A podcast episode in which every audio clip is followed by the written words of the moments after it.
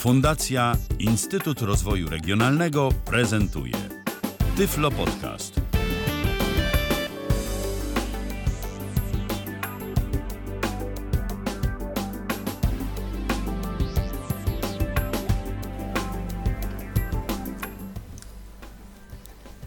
Dobry wieczór, mówi Michał Kasperczak.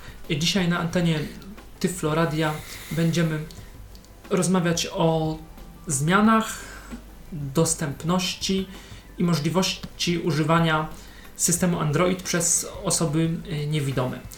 Będę o tym rozmawiał z Pawłem Masarczykiem. Dobry wieczór, albo witajcie, dzień dobry wszystkim słuchaczom. Jestem Dobry. tu jak najbardziej. Dobry wieczór. I będziemy, tak jak mówiłem, rozmawiać o Androidzie, bo yy, w sumie takiej podsumowującej audycji na ten temat nie było, yy, zbierającej różne, różne informacje od ponad 4 lat.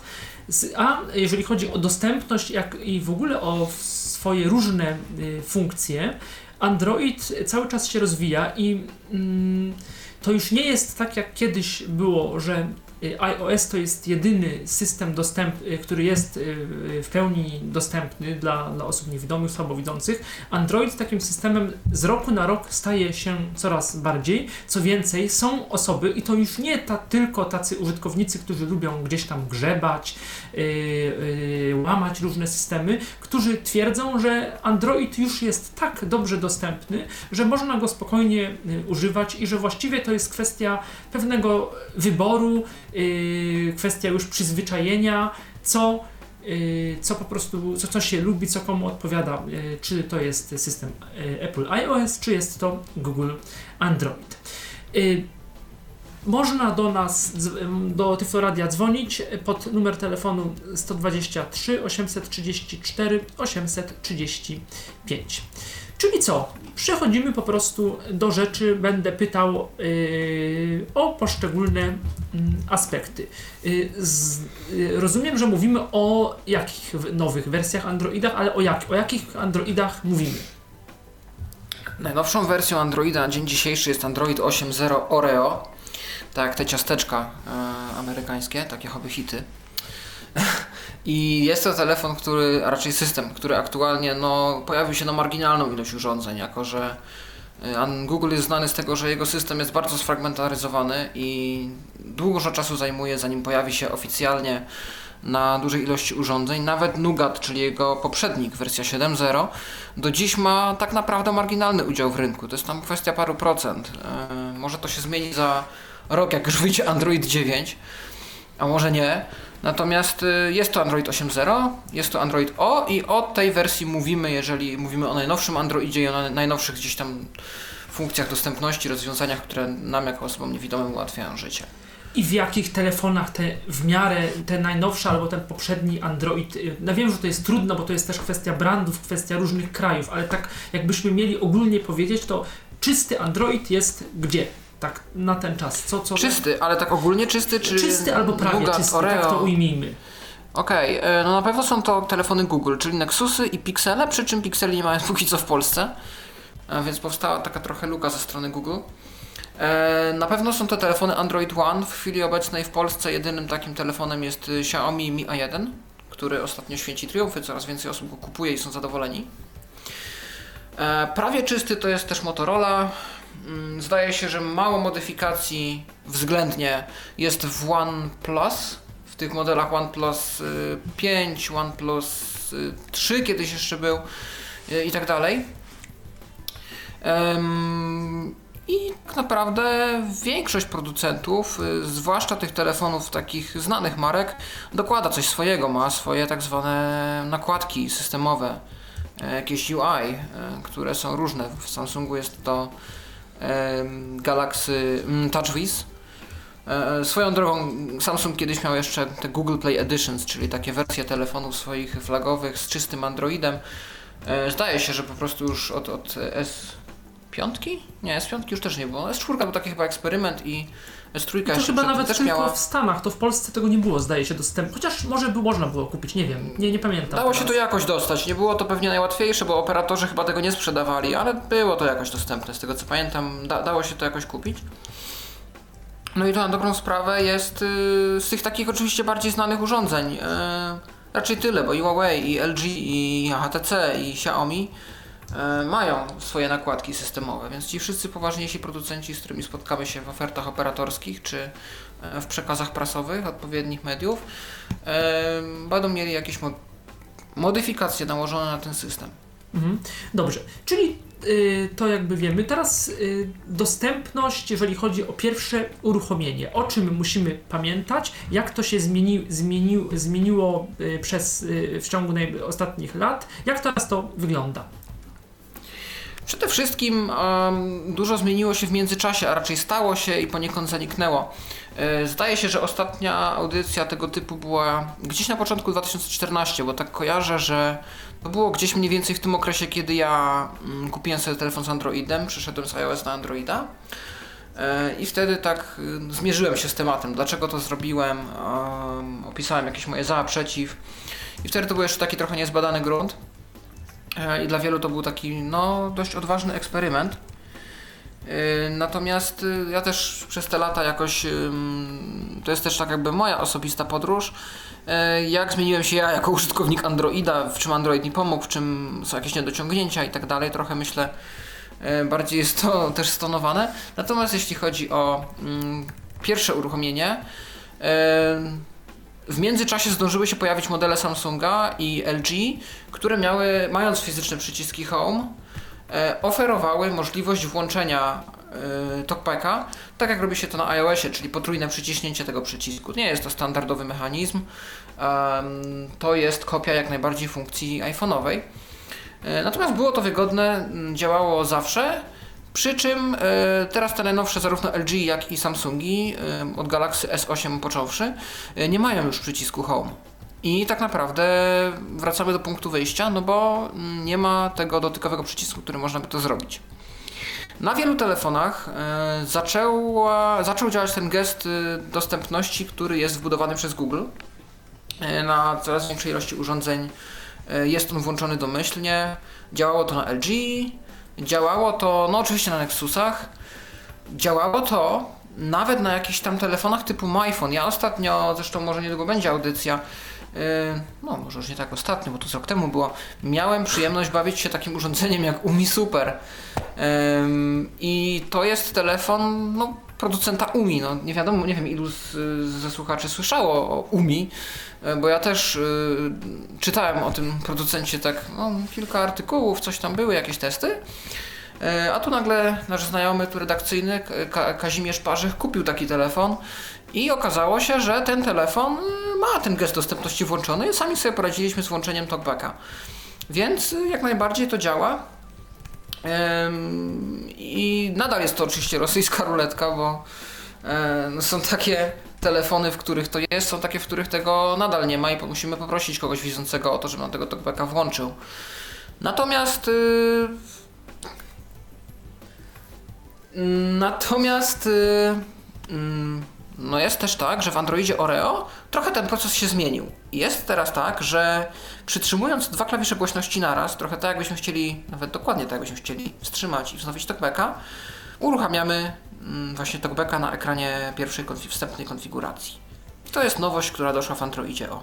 Mhm. A gdybyśmy chcieli poprosić osobę widzącą o pomoc, y, to tak najczęściej, wiem, że to pe- to pewnie jest różnie, no bo y, tutaj dochodzą te nakładki producentów gdzieś tam, ale najczęściej pod jakimi hasłami w ustawieniach y, szukamy tych opcji gdzieś tam dostępności i czy to jest tak, że od razu już jest polski język, czy trzeba, nie wiem, jakiś pakiet syntezy ściągać, jak, no bo załóżmy ktoś dostaje telefon, nie może sobie sam tego włączyć i prosi, prosi albo nieznajomych o pomoc, to najczęściej y, gdzieś tam, gdzie należy szukać tych opcji y, wpierw konfiguracji dostępności, a potem włączenia tego, tego talkbacka na stałe, ewentualnie jakiejś aktualizacji oprogramowania y, tego talkbackowego, coś takiego. Co tutaj należy zrobić?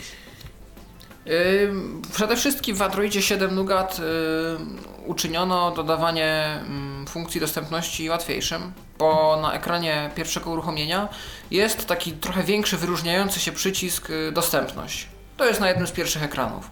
Więc osoba widząca, która nam pomaga, od razu widzi e, ten przycisk i można go bez problemu wcisnąć, wybrać sobie jakie usługi potrzebujemy, czy to jest talkback, czy to jest powiększenie, czy to jest wersja kolorów, czy coś jeszcze innego. i możemy to po prostu załączyć. Jeżeli tak nie jest, bo ktoś nam sprzedał telefon, który od razu nam się włączył na ekran główny. Ktoś mi ostatnio opowiadał o takim telefonie, chyba Jellyphone, ten taki malutki 2,5 cala ekran. E, jakoś tak pominięto w nim kreator i od razu on się włącza na ekran główny. Najczęściej w ustawieniach będzie to albo dostępność, albo ułatwienia dostępu. E, wiem, że w Samsungu to jest tak podzielone, że zakładki mają cztery usta y, ustawienia mają cztery zakładki. Drugą z nich jest moje urządzenie, no i w tym znajdujemy yy, ułatwienia dostępu, a tam z kolei chyba LG ma ten sam schemat, jest widzenie. Yy, I tam się włącza akurat Voice Assistanta. Myślę, że o Voice Asystencie to opowiemy swoją drogą za jakiś czas, bo to jest też coś, co powstało w Samsungu. Yy, no, to jest od czasu naszej ostatniej audycji jest to nowość. Aczkolwiek czy taka rewolucyjna, to można by się kłócić. Natomiast yy, no w Samsungu domyślnie nie ma talkbacka. Tak, tak, tak, o to mi chodziło w mojej, w mojej wypowiedzi. Może być tak, że nie włączy nam się od razu po polsku. Może być tak, że będziemy zmuszeni wstępną konfigurację przeprowadzić po angielsku, a potem y, doczołgać się do ustawień i tam w opcjach syntezatora mowy Google, bo takie domyślnie mamy na stanie, yy, pobrać sobie dane głosowe dla języka polskiego. E, co będzie wymagało oczywiście dostępu do internetu. Istotnie jest to problem e, z Androidem i wiele osób to odstrasza od wstępnej konfiguracji. No miejmy nadzieję, że jeszcze i to z czasem się zmieni. Natomiast co do aktualizacji TalkBacka, to jako że TalkBack jest jedną z wielu aplikacji na naszym telefonie, dokonujemy jej po prostu przez sklep Play. Czyli tak to wygląda w Androidzie. Yy, no troszeczkę będziemy porównywać yy, gdzieś tam z iOS-em. No w iOSie to jest zrobione o tyle prościej, że tam po prostu yy, no, po włączeniu iPhone'a gdzieś tam mm, synteza, i, i, języki i, i, gdzieś tam to wszystko, jest, to wszystko jest w jednym i ta dostępność, no mamy też ten fizyczny przycisk Home, no w dziesiątce w iPhone 10 już nie mamy i raczej z, z ustawieniami dostępności w iPhone gdzieś tam osoby, mm, osoby niewidome y, problemu nie miały. W dziesiątce no, nie mamy udało... fizycznego przycisku Home, za to mamy w Tyflo Podcaście na żywo telefon. Patryk jest z nami. Halo, słuchamy. E, witam bardzo serdecznie. Witam. E, ja Cześć Patryku, co to? Ja tutaj, się, ja tutaj się właśnie chciałem wypowiedzieć a propos no bo też słyszałem tak z tego, co tutaj Michał mówił, że to też miała być trochę audycja też o iOSie, mm, też takie bardziej y, też y, omówienie tej dostępności. Natomiast ja właśnie chciałem powiedzieć o, o Androidzie właśnie z perspektywy użytkownika, który przez 7 lat prawie używał y, iOSa i tak taka nieoczekiwana przesiadka e, na telefon Samsung e, i na właśnie na Androida chciałem powiedzieć o jednej takiej bardzo dużej wadzie, która mnie osobiście y, w tym systemie mm, denerwuje, chociażby też dlatego, że mam telefon, który niestety nie może podziwiać tych jakże wspaniałych fajerwerków, o których tutaj y, mówisz y, w Androidzie Aero, o tym znaczy ogólnie o nowe, nowego Androida, bo ja mam Samsunga S5, a niestety właśnie z tymi telefonami jest tak, że one dostają, no oczywiście no nie mówię tutaj o tych z czystym Androidem, że dostają góra jedna aktualizację, dwie i do widzenia. E, do czego, e, co mi przeszkadza? Ja bardzo często używałem właśnie smartfona w sytuacji, kiedy nie miałem komputera. Tak jak to ma miejsce teraz, że na przykład do przeglądania stron internetowych i właśnie tu muszę powiedzieć, że no i ja nie wiem dlaczego tak jest, ale tak e, niestety się dzieje. Jeżeli chodzi o strony duże, czy to jest Chrome, czy to jest Firefox, w ogóle mm, no Chrome najlepiej, natomiast jeżeli chodzi o duże strony, to aż mnie krew zalewa, bo na przykład jest sytuacja, gdzie ja sobie flikiem idę po stronie jakiejś, przypuśćmy na przykład strona lajkonika, tu mam z tym problem. I chcę sobie na przykład wejść w link e, rozkład jazdy. Mm, no i ja flikiem sobie najeżdżam, talkback mi czyta link, rozkład jazdy, ale jak tapię, nie klika się w link. Tak jakby y, wrażenie jest takie, tak jakby się coś nieprawidłowo przewijało i trzeba przewinąć ten ekran dwoma palcami y, po to, żeby eksploracją znaleźć ten link i dopiero wtedy w niego, w niego kliknąć. Jeżeli jest y, ekran jak w iPhone 5s, gdzie jest ten ekran w miarę mały, mm, no to jeszcze to jest spoko, ale w przypadku S Galaxy S5 Neo, który mam, gdzie ten ekran już jest naprawdę no cztery, czterokrotnie większy, no to można dostać po prostu kręćka mm, naprawdę przy dużych stron i mnie to osobiście denerwuje. To samo się dzieje w Twitterze, bo na przykład są linki do artykułów ze Spiders Weba ja na przykład nie, w ogóle nie umiem w to klikać. Instalki.pl na przykład nie ma z tym problemu. Klikam i od razu się otwiera Chrome Canary i, i wszystko, wszystko działa, natomiast ym, tutaj jeżeli właśnie chodzi o, nie wiem, Spiders Web czy coś, ja nie jestem w stanie otwierać linków. Nie wiem, czy to jest y, po prostu y, wina aplikacji Twitter, czy nie, natomiast no, jeżeli chodzi o samego talkbacka, no to jest właśnie sporo takich braków, jeżeli chodzi właśnie iOS-a, o gesty chociażby, no zatrzymanie, zatrzymywanie na przykład piosenki e, odtwarzanej, gdzie można było stuknąć dwoma palcami. To, że na przykład czasami mam problem, jeżeli jest jakaś muzyka, utwór głośny i potrafi mi ten utwór zag- zagłuszyć talkbacka tak, że po prostu nie słyszę, nie słyszę nic, e, no to, no to jest problem. Natomiast tutaj, jeżeli chodzi o Androida, to Mhm. rzeczy, które lubię, bo tu mógłbym jeszcze sporo wymieniać tych problemów dostępnościowych. A ja tylko zapytam, y, trochę- mhm, ja tylko pozwolę sobie zapytać, a, czy to nie jest, bo y, to jest y, nowy, y, to jest która wersja Androida, bo może jednak to no jest to jest kwestia tego, że to jest... Android Marshma- Marshmallow. 6, Czyli to 6, jest, y, 1, sześć. 1. No, czyli... Tak, też mam tą wersję Czyli Androida. to jest być może po prostu, no jednak y, ta wersja 7 i 8 z tego co słyszałem, jeżeli chodzi o internet, chyba że coś źle wiem, bo ja trochę mylę, co jest w samym talkbacku nowego, a co w Androidzie, ale wydaje mi się, że kwestia Chroma, Androida, właśnie Google Chrome, y, mo że może być tak, że w wersji 7, 8 Androida jest znacznie lepiej, tam dużo zoptymalizowali jednak, tak mi się z tego co wiem. To znaczy ogólnie jest dlatego- tak, że jest problem. Jest problem z synchronizacją eksploracji i gestów.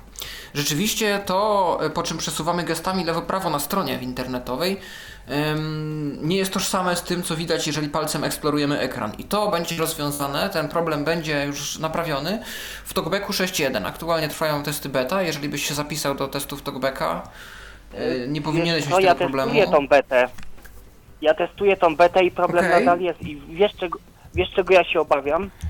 Owszem, problem może zostać Mhm. rozwiązany, ale nie w tym Androidzie, który mam. I tu jest właśnie problem z tym Androidem, że właśnie ktoś, to tak jak ja ma starsze urządzenie, a ja tak naprawdę nie zamierzam kupować nowego telefonu z Androidem, bo jednak wiem, że chcę przy iOSie zostać, bo jest jednak dostępniejsze i wygodniejsze, no to niestety ja nie mogę, y, ja tego nie sprawdzę, bo to może rzeczywiście poprawić się w nowym Androidzie, ale ja użytkownik Androida 6.1, który właśnie testuje bety TalkBacka, nie widzę żadnej tak naprawdę poprawy.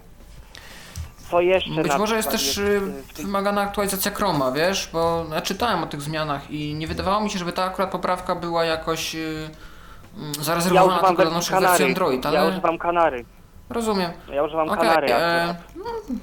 No to w takim razie warto myślę to też zgłosić e, przez e, opcję z, w, e, wyślij opinię chyba to się nazywa, tam więcej opcji. No I albo, albo spróbować wersji najnowszej, opcja? normalnej Chrome użyć i może, może tam będzie inaczej, nie wiem, wymyślam Nie, nie, nie, trochę, nie, nie, ale no nie. też nie, też nie, też nie. Mhm. Dobrze, no a plusy, bo zaczęło, bo tak troszeczkę... Mhm. Jeżeli jeszcze chodzi o czytanie powiadomień, coś do czego mnie iOS bardzo przyzwyczaił, czyli na przykład jeżeli y, VoiceOver czyta powiadomienie, y, to on na przykład go y, przeczyta, on przeczyta to powiadomienie i tyle i na przykład ekran się y, zablokuje. Y, na przykład tu w Androidzie brakuje czegoś takiego jak wyłączenia sobie samej mowy. Owszem, można wstrzymać reagowanie tego talkbacka, ale na przykład o, o, co, o co mi chodzi? Jak na przykład y, mam włączone m- zawsze mów powiadomienia, og- czy ogólnie mówienie powiadomień, to na przykład jest taki, takie coś, że on bardzo dużo lubi gadać. On na przykład lubi gadać, że się ktoś podłączył pod Wi-Fi, albo na przykład rozmawiam przez Skype'a i słyszę y, rozmowa, ak- aktywna rozmowa tam z użytkownikiem jakimś tam, tak? Lubi się to odzywać co parę sekund. E, No po prostu y, no czegoś można dostać, bo ja tu mówię na przykład sobie z kimś przez Skype'a i nie mam zamiaru słuchać o tym, że rozmowa jest aktywna, bo ja nie jestem głupi i wiem o tym, że rozmowa jest aktywna i po prostu no nie chcę, żeby mi Talkback o tym mówił bez przerwy, także też nie wiem co z tym zrobić, bo powiadomień takich całkowicie się nie da wyłączyć. Wiesz co, przesuń, przesuń, e, przesuń gestem na inny element, bo stoisz widocznie na tym pasku, gdzie jest to czytane. Przesuń nie, chociażby nie, na nie, nie, przycisk przejść właśnie wyżej albo coś takiego. Właśnie nie. Mhm. Właśnie Picioku na niczym nie stoję, No. tylko po prostu ekran jest zwyczajnie w świecie zablokowany. Ja sobie gadam. Mhm. Nie wiem, no, On to gada i to jest mnie to pomagało, więc właśnie. dlatego mówię. Okej, no rozumiem, w porządku. No, Ale za co na Będziesz przykład musiał za widocznie Androida, Zawsze można zgłaszać błędy. No właśnie, a, a jakie plusy? Bo Żeby też nie- domyślam... Mhm. Plusy oczywiście są, ja myślę, że największym plusem i tutaj chciałem z tego miejsca bardzo gorąco pozdrowić i podziękować użytkownikowi Hubert Meyer, znany jako Killer, ponieważ dzięki niemu odkryłem klawiaturę Softbraille Keyboard, która no jest po prostu objawieniem, że tak powiem. I powiem szczerze, że ja y, jako użytkownik iPhone'a 5s i iOS'a, szczerze powiedziawszy, ja nienawidziłem tej klawiatury braille'owskiej, bo po pierwsze to się robiło mi rozkalibrować. Po drugie miałem problem ze skalibrowaniem tej klawiatury.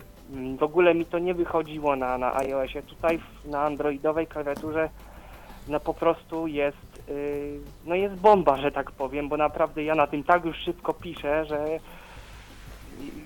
wszystkie, jestem też na grupie androidowej, takiej facebookowej, gdzie się też tam udzielam, pytam o różne rzeczy, w ogóle polecam tam grupę, też ściągłem. No i po prostu bardzo ładnie, bardzo Dostępny szybko Android się nazywa. Mhm. dostępny a- Android, w ogóle tablice brajlowskie działają, działają super, w ogóle można sobie kopiować, e, wklejać e, w bardzo fajny sposób. Ym, No i, no i też przede wszystkim za to lubię Androida, że jest właśnie otwarty, to, że na przykład mogę sobie ściąga, ściągać, jak teraz nie mam laptopa, to często dostaję różne duże pliki.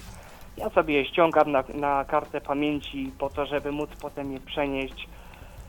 Syntezatory też przede wszystkim jest wybór, bo mogę sobie używać iSpeaka, nie muszę używać e, na przykład Zosi, chociaż iSpeak mnie denerwuje w sklepie Play, no bo po, zmienia sobie, zmienia wersję językową, właśnie nie wiem z czego to się bierze i gdzie to można zgłosić.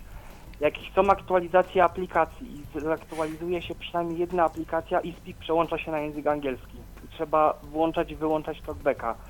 Nie wiem, czy to jest problem iSpeaka, czy Google, y, Google Play'a. Mm. Właśnie a propos Google Play'a jeszcze powiem jedną rzecz. Miałem taką sytuację, mm, o której też na grupie Android pisałem. W iOSie nigdy mi się to nie zdarzyło. W Androidzie miałem dwa przypadki, które mnie zraziły od tego systemu. Po pierwsze, y, ze sklepu Play przez cały tydzień nie mogłem korzystać, ponieważ kiedy uruchomiło się sklep Play, pokazywał się błąd po prostu, że aplikacja sklep Play została zatrzymana i nic nie byłem w stanie zrobić. Y, y, Jedynie jak bardzo szybko kliknąłem w ten panel nawigacji, no to mogłem wybrać sobie aktualizację czy tam coś i, i to byłem w stanie po prostu zrobić. Y, Natomiast też tutaj jest sytuacja, która mi się często zdarza w moim Samsungu akurat. Talkback potrafi się, a w zasadzie synteza, samoistnie potrafi się przełączać na tak zwaną mechanizm przetwarzania mowy Samsung się to nazywa. Nie wiem dlaczego u mnie to nie działa, pomimo że mam pobrany polski głos, ten kobiecy Samsung, czasami z wokalizera Zośki z jakiegoś nieznanego mi powodu synteza się wysypie, bo tak się czasami zdarza, że i iSpeak się wysypie, talkback się wysypie i zostaje przełączony mechanizm przetwarzania mowy na prze... zmian... zmieniony mechanizm. Wiadomo co to oznacza, ja zostaję w tym momencie bez mowy i bez osoby widzącej nie poradzę sobie, tym bardziej, że te ustawienia dostępności no, są gdzieś tam w Samsungu na środku, gdzieś po środku w ogóle, nie wiem dlaczego, ale tak jest. Także tu też takie, takie rzeczy się zdarzają i no, nie jest, nie jest to miłe. Natomiast no, są te plusy właśnie Androida, mm, natomiast jeżeli miałbym teraz powiedzieć na pytanie, do jakiego systemu bym powrócił, to jednak wrócę do iOS-a, bo jednak mnie nie interesuje otwartość, yy, to, że jest system otwarty. Jak ja chcę, będę chciał mieć coś otwartego, to mam laptopa z Windowsem i tam będę miał otwarty system. Mi po prostu chodzi o to, żeby to był smartfon, który działa zawsze dostępnie, mm, iOS wiadomo miał swoje potknięcia, ale to jednak zdecydowanie jest wygodniejsze mimo wszystko. Dziękuję bardzo za, za, yy, za wypowiedź. Również dziękuję. Do No i ja też myślę, że to jest właśnie teraz mm, doszliśmy do mm, tego etapu, w którym możemy poniekąd dokonywać tego wyboru trochę jak osoby widzące. Może nie przesadziłem teraz z tym stwierdzeniem, ale osoby widzące też mają swoje preferencje. Ja tam wolę iOS-a, bo coś tam, a ja wolę Androida, bo coś tam. I w ogóle to wolę, nie wiem, Samsunga od LG na przykład, bo, bo coś tam. I teraz też y, chyba już nie ma takiej sytuacji, myślę, można powiedzieć, że ten Android, on ma swoje oczywiście wady i gdzieś różne błędy, które są powoli gdzieś tam łatane rozwiązywane, ale chyba nie ma aż takiego dramatycznego mm, ubytku y, wartości dodanej, czy wartości tego, co urządzenie sobą prezentuje w stosunku między jednym systemem a drugim. Jakby na, na obu, ale to jeszcze się myślę rozmówimy tu w toku audycji. Czyli- Ym, czyli co, Można te, te zadania osiągnąć. Czyli wrac- A tymczasem dziś normalnie gorąca linia. Temat jest taki, jak jest, czyli nośny. Mamy kolejny telefon. Grzegorzu, słuchamy. No, ja to tak, e, ja jestem z Androidem od e, tableta Lenovo Tab e, A7 III H, no jakoś tak. I to, to, to, to był, zaczynał od e, 442 i mm, e, po konfiguracji tej wstępnej, tam bez logowania się na konto Google przez jakąś osobę widzącą, i tam było coś takiego. I nie tylko w tej aplikacji do logowania tam do sklepu, ale tam w paru innych e, było coś takiego, że jak mm, bo ja mam e, dwustopniową weryfikację w koncie Google, co nie? E, Po wpisaniu loginu i hasła wy- wyskakiwała strona z wpisaniem kodu, co nie? No, że jeszcze Aha. coś widzę, to jeszcze sobie jakoś tam dam radę. Ale tam po prostu było widok strony i nic. Mogłeś sobie jeździć palcem po, po, po ekranie i po prostu widok strony i nic. No dopiero od piątki się to poprawiło. Już można było wpisać kod weryfikacyjny. Więc e, tutaj e, no, już się to poprawiło. E, tego, no, no, no i tak, no, jeśli chodzi o o talkbacka, no też tam miałem różne tam e, przygody, na przykład na stronie Facebooka też ustawień mi nie czytało, a to czegoś tam i dopiero po aktualizacji do, do, do Androida 5 jakoś czytało. E, No, no choć też miałem taki przypadek, bo e, wcześniej poznałem, jak miałem 442, poznałem Shine Plus, to nie? I Shine Plus e, po stronę na Facebooku mi czytało, no, normalnie, ale, ale talkback nie czytał. I mówię, i to dopiero po aktualizacji do piątki to zaczęło się to już tak fajnie robić. No, no e, teraz mam Nokia 6, na Androidzie już 7.1.2. No i po prostu mi się podobają te niektóre opcje. e, Taka jedna opcja mi się podoba w talkbacku, którą dali teraz, czyli działania. Bo e, wcześniej, żeby cokolwiek e, zrobić z folderami, coś nie wiem, czy w ogóle e, wejść w jakąś opcję tego, to, to było tak na tablecie, że musiałem sobie przeciągnąć ikonkę do góry gdzieś w coś tam. A, a, I to nie zawsze mi się trafiało w ogóle to trafić, to nie przeciągnąć do, do góry. A w Androidzie 7 mm, to chyba od szóstki jest nawet, od szóstki, szóstka mnie om- ominęła.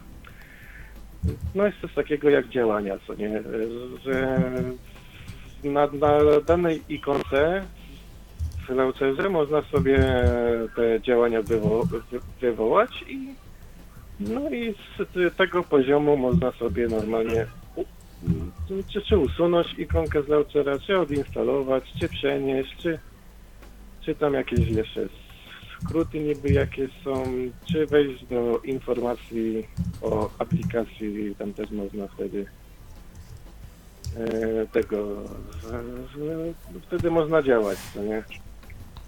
Mhm. No, no. I- No tak, mi się zdaje, że to wersja Czekam, wersji 5, nawet pamiętam, w tych Nexus Launcherach, czy jeszcze wtedy, czy Google, Google Now Launcher to był. Teraz jest to Pixel Launcher. No i nowa, nowa też ma tą funkcję. no, no, nowa, no miałem, mm, o, e, mam taki telefon, raczej też go nie używam, Huawei I- Y5. To jest bardzo słaby telefon. Jedyna przypadłość, która mi się cholernie nie podoba w tym telefonie, to znaczy e, e, e, przewijanie listy, co nie? Wchodzisz w jakieś ustawienia czy coś, chcesz sobie przewinąć listę z góry na dół, to się normalnie nie da.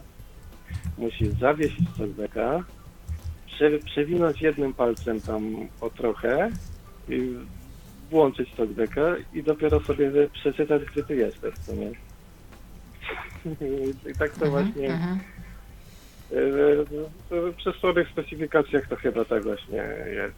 No, no więc e, teraz ten telefon Huawei Y5 mi służy tylko jak, jako ze- zegarek i nawigacja do Get, Get Her. No, no bo teraz jak mam Nokia 6, czy- czyściutki Android, tam jest chyba tylko jedna No aplikacja tak, Nokia też ma Nokia, czyste chyba. Nokia 6 tam ma tylko jedną aplikację swoją, tą No- Nokia Support. A tak to wszystko od Google. Mm, Ten e, dialer od Google'a, kontakty od Google'a, wszystko od Google'a, co nie? E, Czekam Mhm. na ósemkę. Ma być chyba w grudniu, bo Nokia 8 już dostała aktualizację do ósemki.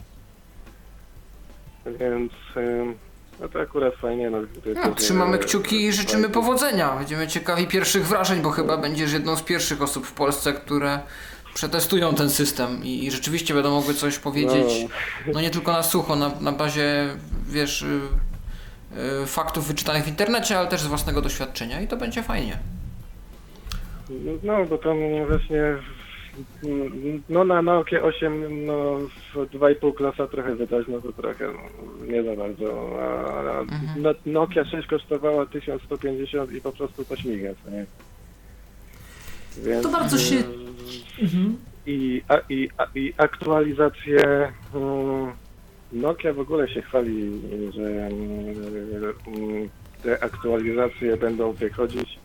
No i faktycznie wychodzą, bo mam obecnie 7.1.2 z tam zabezpieczeń 6 listopada, więc tutaj to naprawdę jak póki co się starają, bo tablet mój jak stoi na piątce, to, to tak stoi.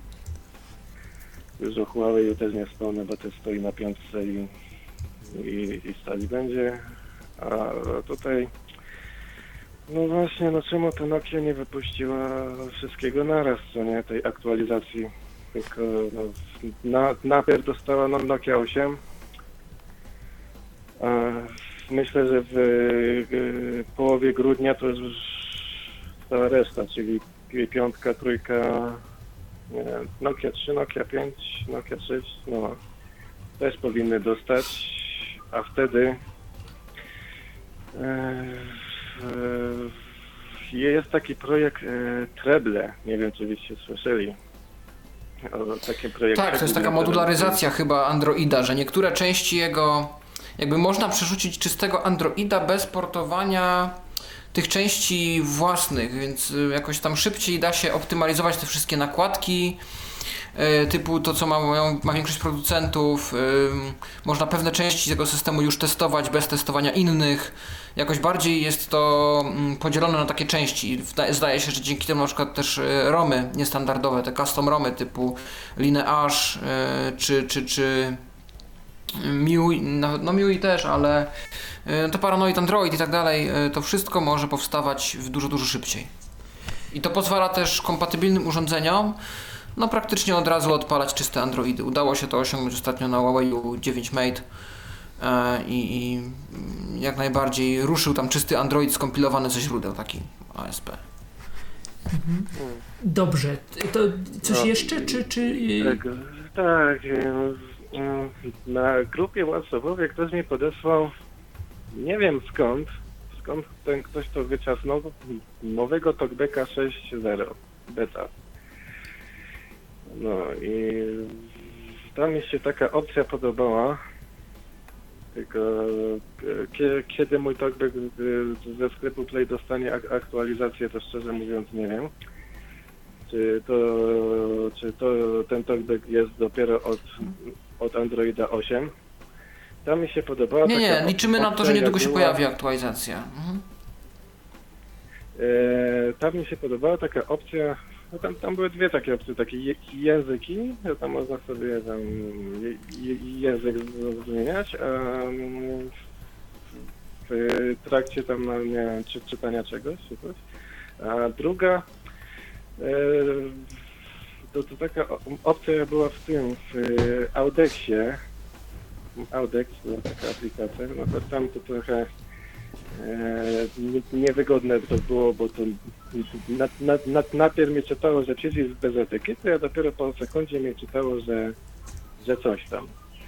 A to, Talkback Usus e, ma być to po prostu natywnie no, taka funkcja zaimplementowana i, i, i, i fajne to było, po, podobało mi się to, tylko niestety musiałem Talkbacka przywrócić do tego, co mam, nie tam 5 coś tam, to po prostu przy Chromie i przy niektórych aplikacjach mi się to tak mieszało, że musiałem po prostu no, no ubijać aplikację musiałem, czy tam chyba to się zwiesiła, ten Chrome, czy nie Chrome, czy jakaś inna, to się tak zwiesiło. No musiałem ją ubić, bo bo inaczej, a a jak się nie dało ubić, to trzeba po, po prostu restart e, telefonu po prostu trzeba zrobić, więc to, to jeszcze widocznie jeszcze nie jest to, to do końca dopracowane, no. I, i tak, no i w tym, Okej. w tym całym, w tym całym talkbacku mnie też wkurza przy przeglądaniu stron internetowych, jak, jak sobie e, e, e, miziam, co nie, tam czy po linkach, czy coś tam. E, przeczytało, że jest jakiś link. Ja stukam dwa razy i nic. I nic. I dopiero muszę prze, przewinąć palcami, dwoma, jak się to przewija, e, tam, to, tam na odpowiedni obszar tej strony, gdzie jest ten link, to, to, to dopiero może wtedy łaskawie u, u, łaskawie No, czyli to, o czym, o czym Patryk mówił, tak, to jest ten błąd, do- który trochę jeszcze, do tak, końca. pewnie o tym Myślę, że gdzieś jeszcze tam, będziemy... po- Tak, pomówimy Tak. o tym, jeżeli... Wiele z tych tematów będzie jeszcze poruszonych, więc Tak, spokojnie. Także, mhm, Ja myślę, że... Myślę, że- Słuchaj nas dalej. tak. Słuchaj nas dalej. Dzięki za dziękuję- telefon. Dziękuję bardzo za, za, za wypowiedź yy, i możemy teraz yy, kontynuować. Yy, czyli co? Za, za, zakładam, że. O, halo? Okej, Chyba chyba jest dobrze. teraz już jest Yy, dobrze. tak, yy, możemy kontynuować. Yy, czyli powiedzieliśmy sobie o gdzieś tam konfiguracji języ- yy, troszeczkę syntezy, talkbacka języka. Czy jest takie przekonanie, zapytam, bo mówi się, że ISPIK yy, jest już trosze, że dawno nie był gdzieś tam rozwijany i że ten ISPIK chodzi, dzie- chodzi, mówię tak potocznie, ten ISPIK działa, działa nie tak dobrze jak inne syntezatory. Czy rzeczywiście jest tak, jest to prawda? Bo gdzieś tam no, użytkownicy y, y, komputerów, którzy lubią y, iSpeaka z, N, z NVDA, gdzieś go używają, próbują go na Androidzie używać, a to nie zawsze się jakoś tam dobrze da. Rzeczywiście z tym są problemy z tą syntezą jakieś? Znaczy myślę, że głównym problemem jest to, że nie do końca jest jasna sytuacja, kto to teraz rozwija, bo mm, pierwszy iSpeak powstał z inicjatywy Ice Free Project, czyli grupy, która rozpoczęła rozwój Talkbacka zanim Google się zainteresował projektem. On został tam w miarę szybko porzucony, bo tam parę wersji wyszło, potem był już koniec, już na etapie Androida 4.3 on przestał działać. Później był eSpeak y, płatny, ten taki za 5 zł, którego rozwijał y, Rhys Dunn, taki deweloper z Wielkiej Brytanii. On jest teraz zaangażowany w rozwój eSpeak NG, eSpeak Next Generation, bo w ogóle w samym eSpeaku trochę się zmieniło. Y, Jonathan Duddington, który rozwijał ten projekt od początku, gdzieś zniknął. Ciężko powiedzieć, co się z nim stało. Nie ma z nim kontaktu od dłuższego czasu. I społeczność postanowiła przyjąć inicjatywę i na własną rękę rozwijać eSpeaka dalej. I powstał eSpeak NG. I tam udzielali się autorzy też NVDA troszeczkę, czy przynajmniej społeczność NVDA miała jakiś swój udział w tym. On mówi Wydarzeniu. tak samo generalnie? No, On tak, Mówi jest, tak samo, tak, bo to jest jakby ten sam silnik, tylko dalej są wprowadzane jakieś tam. tak, dalej są wprowadzane jakieś tam poprawki wymowy, nowe języki ewentualnie. Wiem, że były eksperymenty z tymi jakimiś klatgłosami i tak dalej, to już wcześniej, ale, ale raczej to brzmienie podstawowe się nie zmienia. I y, Reese właśnie rozwijał tego iSpeaka y, płatnego. y, Przy czym kod źródłowy był cały czas otwarty, tego androidowego też, i jeżeli ktoś potrafił, mógł sobie go na własną rękę skompilować i za darmo zainstalować. Natomiast wersja taka gotowa dla osób niewtajemniczonych kosztowała 5 zł. I ostatnio jakaś grupa deweloperów z Indii wzięła ten kod, skompilowali go po prostu i wydali jako swoją aplikację w sklepie Play, jeszcze nakładając na to jakieś reklamy, więc on jakby wyszedł później. Natomiast obydwie wersje chyba e, nie miały za bardzo aktualizacji od dłuższego czasu. I problem na przykład polega na tym, że eSpeak często nie potrafi się jakoś określić co do języka, w którym chce mówić, więc e, no, zdarza mu się przełączać na angielski w jakichś najmniej oczekiwanych momentach. Ciężko potem stwierdzić, jak go przywrócić na polski. Ja używałem Speaka dość krótko, bo miałem taki jakiś okres, że sobie go włączyłem i nie miałem Znaczy, przywrócenie na polski jest akurat dość proste. Mianowicie wystarczy po prostu wejść w opcję syntezatora mowy. I to się samo zrobi, natomiast jest to mało wygodne, tak czy inaczej. No tak, rzeczywiście, taki, taki, taka metoda gdzieś tam działała na którymś Androidzie. Natomiast yy, no teraz z tego co wiem jest yy, kompletnie to wszystko poplątane w momencie, gdy wchodzi TalkBack i jego wybór języków, bo tam nie dość, że TalkBack ma swoje autowykrywanie języka, to jeszcze eSpeak ma swoje fanaberie z przełączaniem się na angielski. No i zdarza się, że tam to kompletnie po prostu szaleje. Zdarza się też na niektórych telefonach, chyba zdaje się na Galaxy S7 był taki problem, że ucinane były końcówki. Jak eSpeak mówił. No to o Galaxy S7, Voice Asystencie i Samsungu gdzieś mam nadzieję, że zdążymy jeszcze chwilkę pomówić. Czyli y, y, nie powiedziałbyś tak kategorycznie, jak ja próbowałem y, o to gdzieś tam y, to, to stwierdzić, że z tym S-Pikiem jest, y, jest tak źle. Nie, nie jest aż tak źle. Niektórzy Nie, go ja wciąż myślę, używają. że aż tak źle nie jest. Nie, ma swoich użytkowników Natomiast a, a Iwona, Beta, Maja to już chyba nie, tak? To już w To nowych już jest systemach przeszłość, to tak? już nie ma to tego właściwie. już nie, nie ma, nie, zniknęło ze sklepu Play. Ach, nawet- osoby, które gdzieś posiadają instalatory, więc doinstalowują, Mhm. Czyli czego ludzie potrzebują. używają? ale Głównie te odkąd- wbudowane Google syntezatory, czy Acapella, czy właśnie S-Peak? Myślę, że na połowie Google plus y, Vocalizer. Y, A. Są też osoby, które używają Acapelli, są osoby, które używają Speaka. Ja A używam mhm. Acapelli A osobiście. Vocalizer to jest to samo co ten z Google'a, czy to jest jeszcze płatny, osobny? Osobny, tak? Nie, Vocal- to jest voca- Vocalizer, to jest to, co jest w iPhone'ach. To są te głosy Tak, ja rozumiem, nuansa. ale czy to jest w Google dostępne e, w, w pudełku, że tak powiem, w Androidzie, czy to trzeba kupić? Nie, nie, nie, nie, nie, nie. To trzeba kupić A, to 4 jest osobny- zł, osobny 16 produkt zł to jest. i pół, tak, kosztuje głos. Są jeszcze I jakieś... można je ściągnąć ze sklepu Play. A tymczasem mamy drugi e, telefon od e, słuchacza, który już uprzednio dzwonił. Patryku, witamy cię ponownie. E, Witam ponownie, tak jeszcze tutaj, dlatego dzwonię, no bo no Skype, Skype'a nie można, tak bym napisał, ale że y, tutaj jeżeli chodzi o y, pytania, jeżeli chodzi o Facebooka jest jedna rzecz, która mnie bardzo nurtuje, która w iOSie działa świetnie, tylko dlaczego nie działa w Androidzie i nie wiem czego to jest, e, czego to, czego to jest przyczyna. Chodzi mi o zdjęcia i ich opisywanie, mm, że TalkBack potrafi tylko powiedzieć jak ktoś tam na stronie głównej udostępni zdjęcie, no to on powie zdjęcie i tyle. Natomiast działa to w sytuacji, jeżeli na przykład podlajkuję jako, jakąś stronę i na przykład jest coś takiego powiązane, powiązane strony.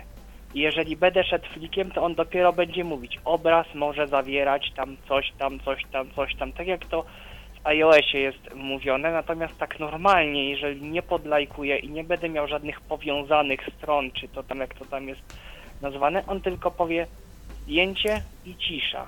Moje jest takie pytanie, czy to rzeczywiście tak nie bardzo chce działać, czy to może gdzieś trzeba włączyć, bo te ustawienia Facebooka, one są tak pokręcone i dziwi mnie, dlaczego w iOSie to działa ładnie. Nawet na Windowsie 10 to działa ładnie, słuchajcie, w apce facebookowej. Mimo, że apka facebookowa jest niedostępna, prawie że niedostępna, to nawet tam to działa, więc dlaczego nie działa w Androidzie i czy to nie działa tylko w Ja myślę, że Facebook ogólnie ostatnio troszkę po macoszemu traktuje dostępność Facebook, y, swojej aplikacji na Androidzie. E, obiecywali już dawno temu, że ujednolicą trochę interfejs, żeby wyglądał bardziej jak na iOSie, bo zauważcie, że aplikacja Facebook wymaga wielu fliknięć. No to się swipe nazywa w androidowej terminologii, to nie jest flick w ogóle, tak po angielsku. No ale tych przesunięć w prawo wiadomo o co chodzi. Dużo więcej niż na iOSie, bo każda akcja jest osobnym przyciskiem. Lubię to przycisk, komentarz przycisk, udostępnij Tak, czy coś tak tam jakbyśmy przycisk. byli na takiej stronie, powiedzmy, internetowej Dokładnie. I trochę. były obietnice, że to zostanie zmienione i zostanie zastąpiony każdy z tych przycisków po prostu em, elementem w menu działań, tych, o których mówił Grzegorz. To Ale to już tam się utrzymuje dokładnie od lat. I niestety nie widać, żeby coś się działo. Facebook nie reaguje na nasze jakieś prośby w tym względzie. Ty ze swojej strony możesz o tym napisać do FB Access na Twitterze i zgłosić im, że też jesteś użytkownikiem niewidomym na Androidzie i że prosisz o taką zmianę. I jest opcja, że cię wysłuchają. E, jeszcze- Aczkolwiek, no, jeszcze, wiele. jeszcze jest coś takiego, e, no bo tutaj mówiłem o tych problemach z Twitterem, a po prostu, no, mówię, to nie jest długo, kiedy ja będę korzystać e, z Androida, bo ja na iOS-a mam akurat, mm, korzystam z Twitterifika, który jest świetnym programem, natomiast ja tutaj się chciałem spytać o bardziej o takiego klienta twitterowego, żeby właśnie on był w miarę, wiem, że Tweeting nie, nie, nie ma jakby wersji darmowej, ale czy też na przykład e, coś jest takiego do polecenia darmowego, co byłoby lepsze niż ten Twitter e, alter, e, do obsługi Twittera, czy w zasadzie Tweeting to jest jedyna Tweetings, tyle co wiem to Tweetings. Tak, ja się dawno nie bawiłem Twitterem, bo Twitter zdawało się być takim klonem Tweetingsa, o bardziej open source'owym, bardziej zmodularyzowanym, że pewne opcje trzeba było doinstalować jako wtyczki, ale niestety nie wiem na ile on jest jeszcze rozwijany. E, może się tym pobawić, bo może jeszcze to działa. O ile pamiętam z ostatnich jakichś eksperymentów, lata temu to było, ale on był jakiś taki w miarę sensowny. Natomiast Tweetings tak jest jeszcze często na obniżkach i można go kupić naprawdę za 3 zł, więc no... Aha.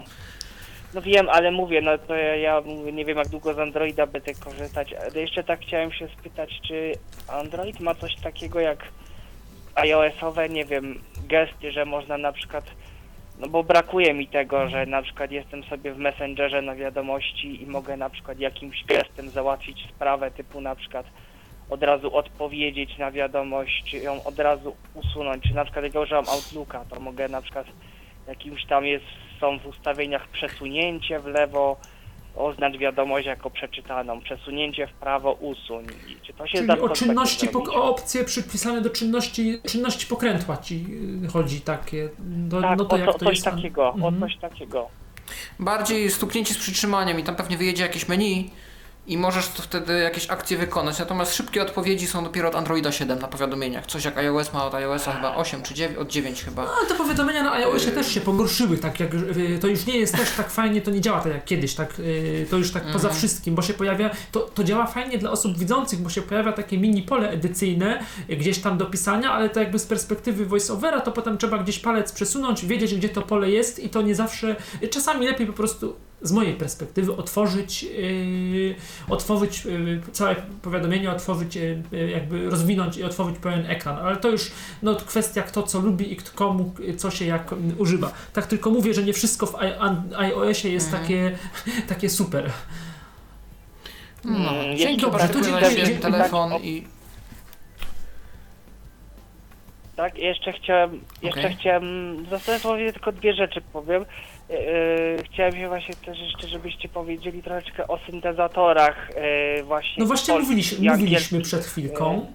A o jest... Mhm. Bo mi głównie chodzi o jeden z takich syntezatorów, bo kiedyś jest taka, e, jest taki w ogóle to już e, taki jeden kanał, gdzie kiedyś tam gry, były, gry są pokazywane i właśnie Piotr Machacz używał takiego angielskiego syntezatora, który tak angielski, który miał jakieś takie hi hi hi, hi ha, ha takie, takie e, chodzi o to takie śmiechy na przykład wszystko zamieniał na, na śmiech, taka babka y, z raś, ta, taki miała, nie, nie wiem, Ewo? To mógł być Jakoś- Voxygen Witch.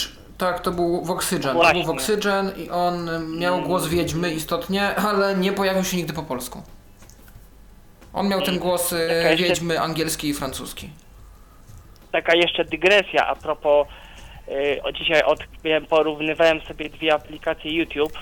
Ja wiadomo, YouTube jest od Google'a i co zauważyłem, że nawet na iOSie aplikacja googlowska jest o wiele lepiej dostępna niż na Androidzie. Chociażby na przykład jak oglądałem filmik jakiś i pojawiła się mi reklama, którą mogę pominąć, to nie wiedzieć dlaczego VoiceOver na przykład mówi teraz możesz pominąć reklamę. Talkback nie mówi, trzeba palcem Zdaje się, że zdaje się, że w YouTubie na Google y, wibruje ci troszeczkę, jak się pojawi reklama czy coś takiego. Ale nie jestem teraz YouTube pewien. w ogóle Chyba tak, wibruje w trakcie, kiedy piosenka gra. Mm, Jak leci piosenka, to Bo się pojawia na ekranie jakaś, bo to jest w konkretnych momentach, jak się filmik gdzieś zaczyna i kończy, tam się po boku też pojawiają jakieś elementy, wtedy jakieś reklamy czy coś i on wtedy to sygnalizuje wibracjami. Aha, rozumiem. Dobrze. No taka ciekawa. Dobrze, Myślę, dzie, dzie, dzie, że dziękuję, dzięki za dziękuję telefon, ba- bo dziękuję musimy dalej z bardzo. audycją. Tak, musimy dalej audycję. Gdybyś miał jakieś pytania, z- zawsze przypominam, można y, umieścić komentarz pod, y, pod audycją. To też Tak. taka, taka możliwość jest i o tej możliwości, y, możliwości przypominamy. Y, Dobrze. Języki, synteza mniej więcej sobie powiedzieliśmy. I teraz y, teraz pewnie zrobimy sobie krótką przerwę i wracamy za minut mniej więcej 3 albo 4 i powiemy o launcherach. Okej.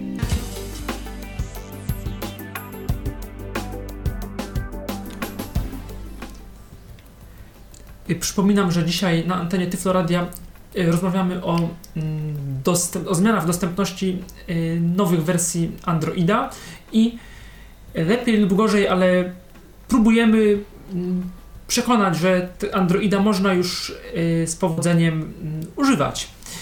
Y, Powiedzieliśmy o syntezatorach, powiedzieliśmy mm, o wstępnej konfiguracji i teraz y, ktoś przechodzi z iOS-a na Androida, albo jest, no, no nieważne, jest no, użytkownikiem Androida.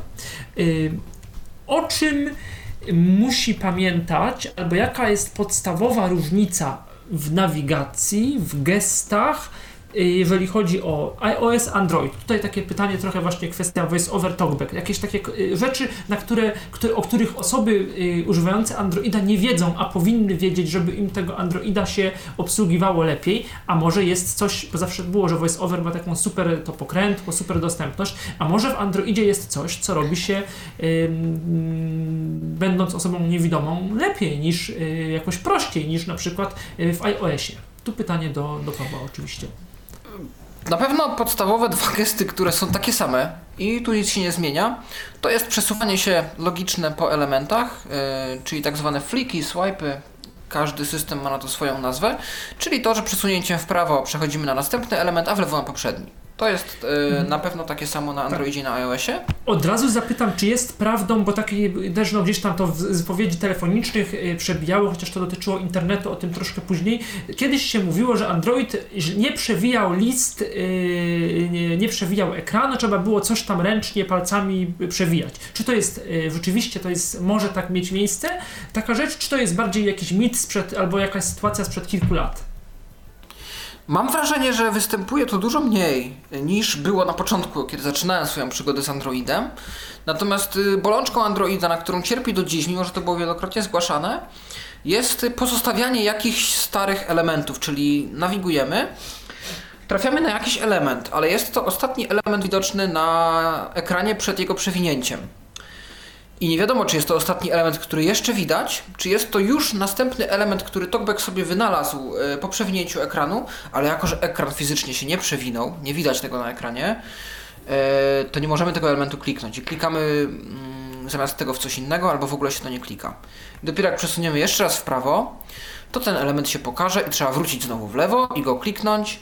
Mam takie sytuacje, zwłaszcza w takich rozłożystych aplikacjach, które jeden element rozkładają na trzy albo cztery, tak robi to Facebook, tak robi to WhatsApp, tak jak robi to czasami też YouTube, czasami sklep Play, dużo rzadziej, bo tam jednak te wpisy są ym, dużo lepiej ułożone. Jedno przesunięcie to jeden, jedna wiadomość, jeden filmik, jedna aplikacja. Natomiast właśnie w tego typu aplikacjach jak Facebook, WhatsApp y, jest niestety to, że widać jakiś przycisk, nie wiadomo co to jest, y, albo jak wiadomo, to nam się wydaje, że można kliknąć, a klika się zamiast tego coś innego. Y, wchodzimy w jakieś opcje, albo jeszcze lepiej wychodzimy sobie z okienka. Więc to się niestety dalej dzieje. Natomiast sytuacje, w których trzeba ręcznie przewijać ekran, bo po prostu się sam nie przewinie, występują już dużo rzadziej i rzeczywiście to chyba tylko Chrome ma teraz taki problem z tych aplikacji, których ja używam na co dzień, że nie synchronizuje się przesuwanie gestami z y, tym, co faktycznie widać na ekranie. I rzeczywiście jest wtedy problem. Pól wyboru nie da się zaznaczyć, w linki nie da się kliknąć. Zwłaszcza jak są jakieś takie rozmiarowo małe przyciski na stronie, takie, które nie zajmują jakiejś dużej przestrzeni, bardzo ciężko jest nie trafić palcem, wręcz jest to czasami niemożliwe. I no sporo się natrudziłem momentami, żeby gdzieś się zalogować, zarejestrować albo gdzieś przejść dalej.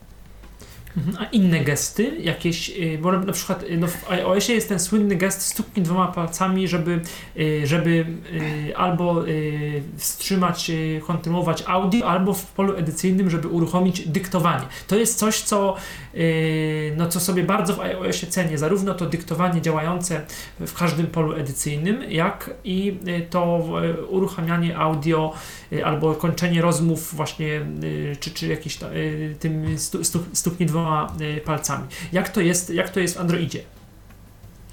No niestety nie ma ekwiwalentu takich, y, tego gestu.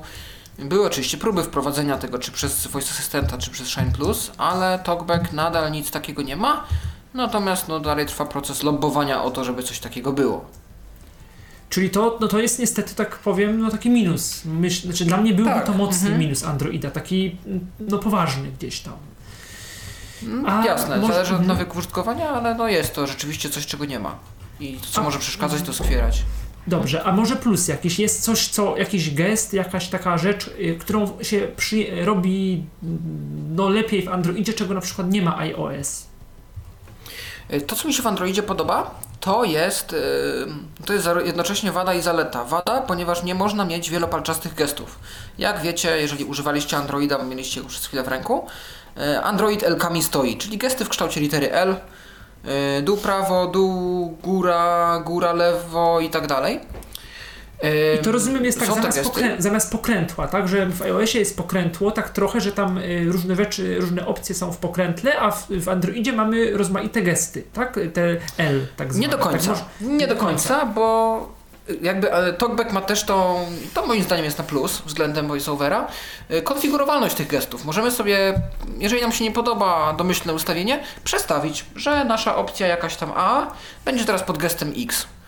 E, I możemy na przykład zrobić zamiast nawigacji lewo-prawo, bo nam tam nie odpowiada w ten sposób, nawigację góra-dół, tak jak strzałki w Nokii, bo może to jest dla nas bardziej logiczne.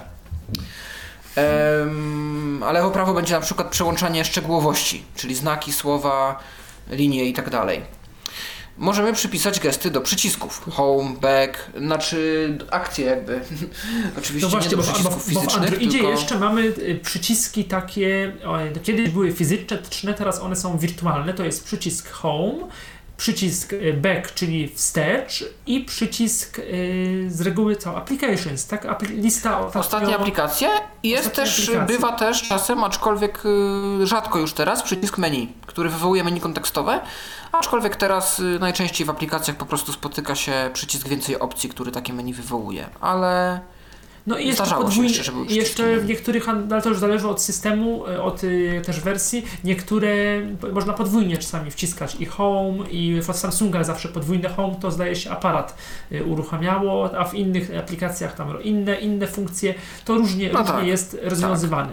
No bo też to, to jest jakiś jak plus Androida, że mamy te przyciski, y, y, znaczy plus, taki plus interfejsowy, że mamy y, te, y, w tym samym miejscu ekranu dotykowe, bo dotykowe, ale jednak przyciski właśnie wstecz oraz listę ostatnich aplikacji.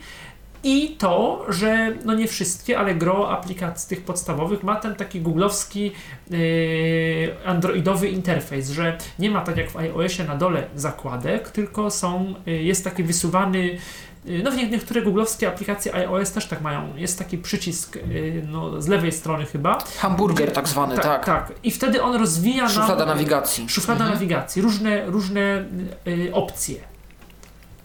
No tak, to jest charakterystyczne dla zwłaszcza aplikacji z interfejsem Material Design wprowadzonym w Lollipopie w piątce, yy, że rzeczywiście jest to menu. To jest wygodne, przy czym spotkałem się już też z implementacją, w której zakładki jak najbardziej były. Są zakładki na Facebooku na przykład, bardziej niż menu. Spotify Ostatnio chyba- testowałem aplikację do... Git- Tak, tak. Outlooku, Ostatnio iOS. testowałem aplikację do GitHuba. I. I tam na przykład są zarówno zakładki, jak i menu i każdy ma inną funkcję. Jakby na zakładkach jest, mm, są opcje do konkretnego repozytorium, na przykład tam ogólny przegląd, błędy, jakie są zgłaszane przez użytkowników czy przez programistów. E, Pull request, czyli te mm, fragmenty kodu, które ktoś napisał i wysłał do repozytorium z prośbą o przyłączenie i tak dalej. A z menu znowu się wywołuje mój profil, szukanie, ustawienia i tak dalej, więc jakby Tutaj y, każdy deweloper ma swoją, swój jakiś zamysł i swój pomysł na to, jak to rozwiązać.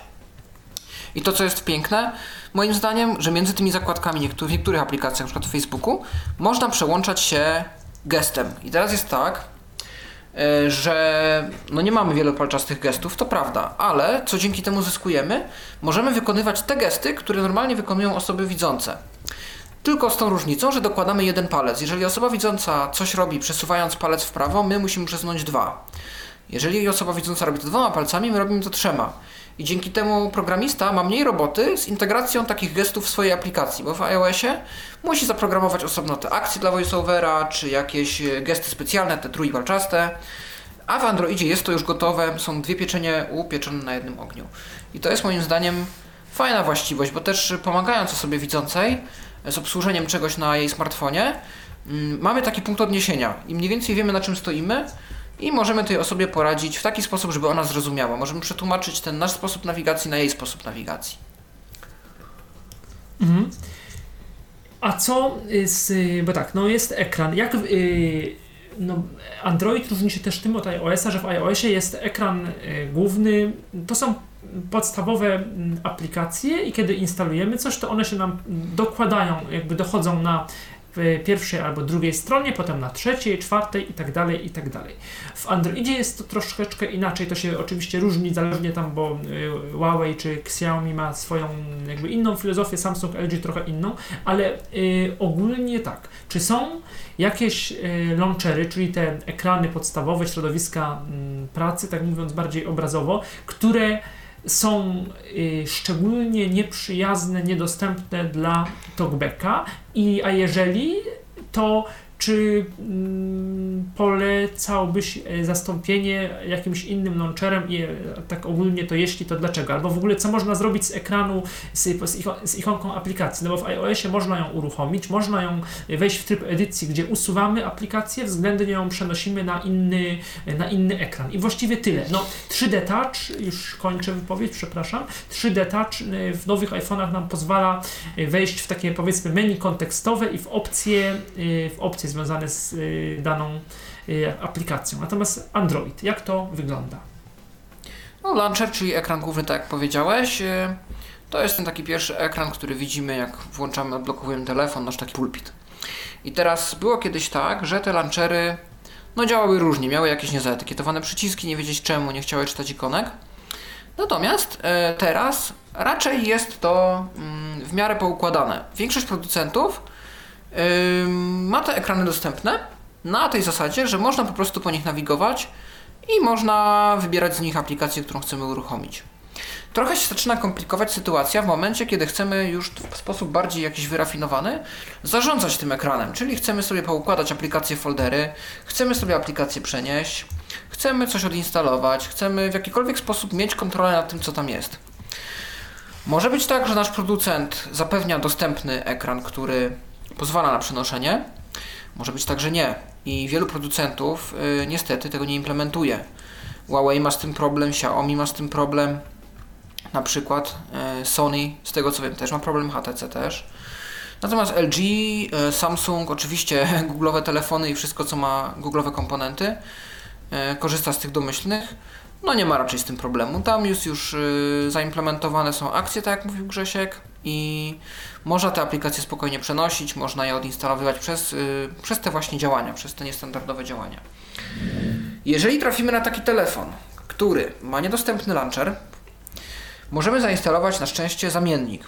I takim zamiennikiem jest na przykład Nowa Launcher, z takich tradycyjnych launcherów, które mają no, strony, mają szuflady aplikacji, czyli takie jakby menu start Windowsowemu, mają te pulpity e, To, podzielone na ta, ta, strony. ta szuflada to ona jest na każdym ekranie dostępna wtedy, jakby poza. Tak, to jest no w bo- doku. W doku jest ikona aplika wszystkie aplikacje czy aplikacje i tam mamy albo alfabetycznie, albo jak sobie posortowaliśmy, wszystkie aplikacje, jakie są zainstalowane na naszym urządzeniu.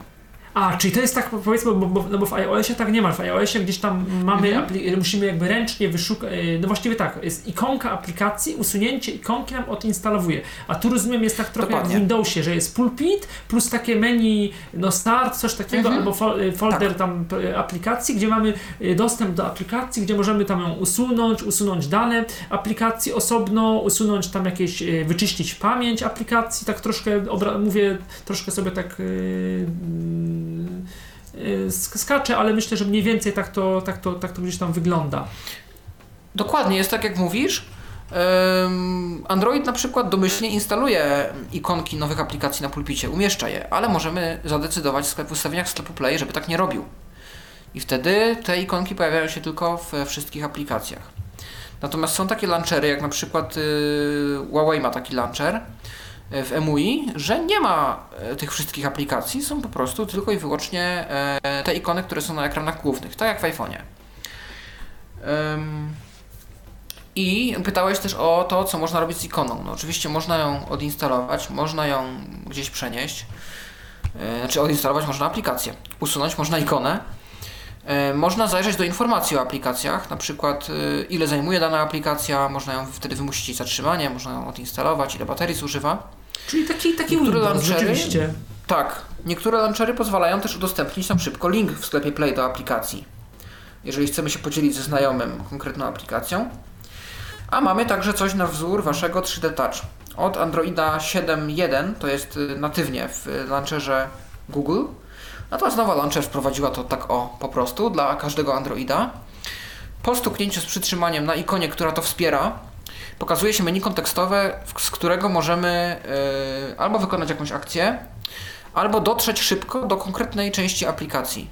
Na przykład w Twitterze jest y, napisanie nowego tweeta albo wiadomości prywatnej. Y, W Aquamailu, czyli w moim kliencie pocztowym można szybko napisać maila. Albo to w Gmailu było, w Gmailu chyba bardziej. A na przykład y, no, używałem, będąc jeszcze w Niemczech, aplikacji Deutsche Bahn. Tam było szybkie przejście do moich biletów, do wyszukiwania połączeń, do chyba rozkładu konkretnej stacji i tak dalej. Więc takiej, mm, tam był taki y, w miarę szybki dostęp. I to jest rzeczywiście fajne. Zwłaszcza jak mamy ikonkę przykład sklepu Play, chcemy szybko wskoczyć do tej sekcji moje aplikacje, zobaczyć co tam jest do zaktualizowania. No to jest bardzo przydatne. Ym, natomiast y, oprócz tego mamy też działania i widgety. Widgety, czyli coś, co w iOSie też jest y, dostępne, tylko że w iOSie można to wstawić w centrum powiadomień i na ekranie blokady. Tutaj możemy sobie umieścić na ekranie głównym. To są. Właśnie, ja, ja tego y, nigdy nie rozumiałem, po co, jakby czym, czym jest, y, w czym te, ten widget na ekranie głównym, on miałby nam pomóc i ewentualnie jak go się instaluje, czy on się sam instaluje z aplikacją, czy jego się gdzieś tam włącza w menu aplikacji, czy w menu widgetów, jak to, jak to jest? W zależności od launchera. Większość launcherów ma coś takiego, że jak stuknie się w puste pole na ekranie, to pokazuje się opcja dodaj tutaj ikonę albo widget. Jeżeli No, a bierzemy widget, ja pokazane są... wiedzieć, co to jest puste, no bo w iOSie jest tak, że y, skaczemy, y, nawigujemy po elementach tylko pełnych, nie ma pełnych, źle, a Tak. nawigujemy od elementu do elementów, nie ma możliwości, no, żebyśmy Mhm. stuknęli w puste pole, tak? To, y, Na Androidzie czasem się to dzieje. Mm, W dawnej wersji Nowa Launchera było to możliwe. Teraz coś się popsuło i się nie da. Od drugiej strony można to też zrobić. Yy, Wejść w aplikację, przejść na zakładkę widgetów. Tam są pokazane wszystkie widgety, jakie oferują aplikacje, które mamy zainstalowane.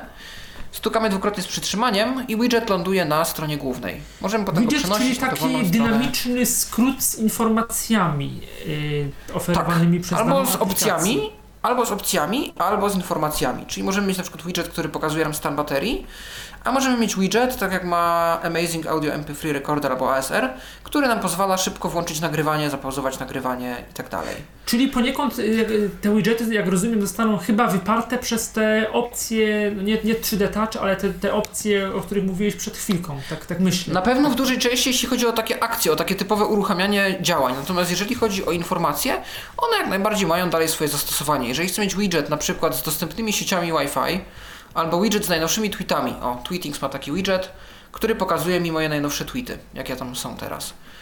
To ja mogę szybko przesunąć na powiedzmy drugą czy trzecią stronę mojego launchera i podglądać sobie, jakie tam tweety moje znajomi, moi znajomi ostatnio wrzucali. I wtedy nie musisz otwierać po prostu tweeting, mhm, te- tego tweetingsa.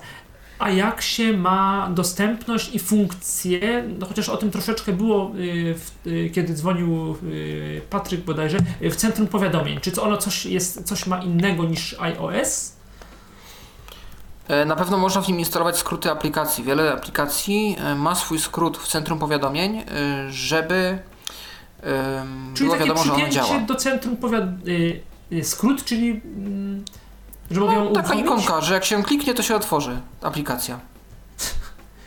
Rozumiem. Znaczy wiesz, to jest po to, żeby utrzymać e, usługę w tle przy działaniu. Jest taki wymóg chyba.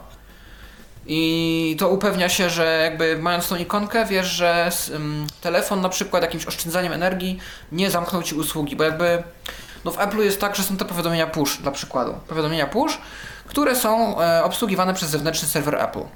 Google niby to ma, ale z jakichś przyczyn wielu, wielu programistów decyduje się na to, żeby aplikacja sama e, miała w tle włączoną usługę, która sprawdza, e, czy jest tam w stałym kontakcie z serwerem, odbiera te powiadomienia i nam je prezentuje. Tylko teraz jakieś oszczędzanie energii może stwierdzić, to tutaj sobie w tle działa i zżera baterię, więc e, ja to zamknę, żeby było więcej baterii. I dzięki temu powiadomieniu wiemy, że aplikacja dalej działa. Na przykład. Mhm. No, To jest coś takiego. Ciekawe rzeczy, podoba mi się coraz, coraz bardziej rozmowa. Natomiast fajną funkcją, którą dodano w Androidzie 7 są tak zwane kafelki. E, No bo w iOSie i w Androidzie też. e, To nie takie kafelki, też się nazywa kafelki, ale chodzi o coś troszkę innego. W iOSie jest centrum sterowania i tam są różne skróty. Skróty do Bluetootha, do Wi-Fi, do głośności. E, A dzięki kafelkom w do Androidzie... dostępności też. O, A to tymczasem tak, no to- mamy telefon i to mamy telefon, mamy telefon. Rafale, dzień dobry. Dobry wieczór. Dobry wieczór. Dobry wieczór Rafale, miło Cię słyszeć. No nie wiem na czym panowie skończyli, bo trochę musiałem urwać, że tak powiem, y, odsłuchiwanie. Widgety i centrum sterowania i i kaf- kafelki. kafelki, w, kafelki w centrum e, sterowania, w, w szybkich ustawieniach. To co jest w Androidzie 7.1, te tiles. To, że zamotał strasznie i ja sam tego nie zrozumiałem, tak troszeczkę się zastanawiałem o co ci chodzi. E, ale Mhm. właśnie chyba trzeba by wspomnieć, że to właśnie się dzieli na centrum powiadomień i szybkie ustawienia i te szybkie ustawienia, czyli te takie szybkie przełączniki, e, można sobie konfigurować, tak? O to ci chodziło, czy ja czegoś nie wiem? Dokładnie. I, do, tak. I nie tylko, że można je konfigurować, to jeszcze aplikacje mogą oferować swoje przełączniki. Tak na przykład jeśli mamy Shazama, to możemy umieścić przełącznik, który włącza lub wyłącza mm, stałe tagowanie utworów. Czyli mogę włączyć telefon na noc, włączyć mu przełącznik Shazama i on przez całą noc wysłuchuje, jakie utwory lecą gdzieś tam w moim radiu obok i rano tylko patrzy na historię, co mi rozpoznał. A to tego to nawet ja nie wiedziałem, ale faktycznie e, fajne jest to, że to nie dość, że tych, tych, tych kafelków może być kilka, kilka to jeszcze może być kilka e, stron tychże.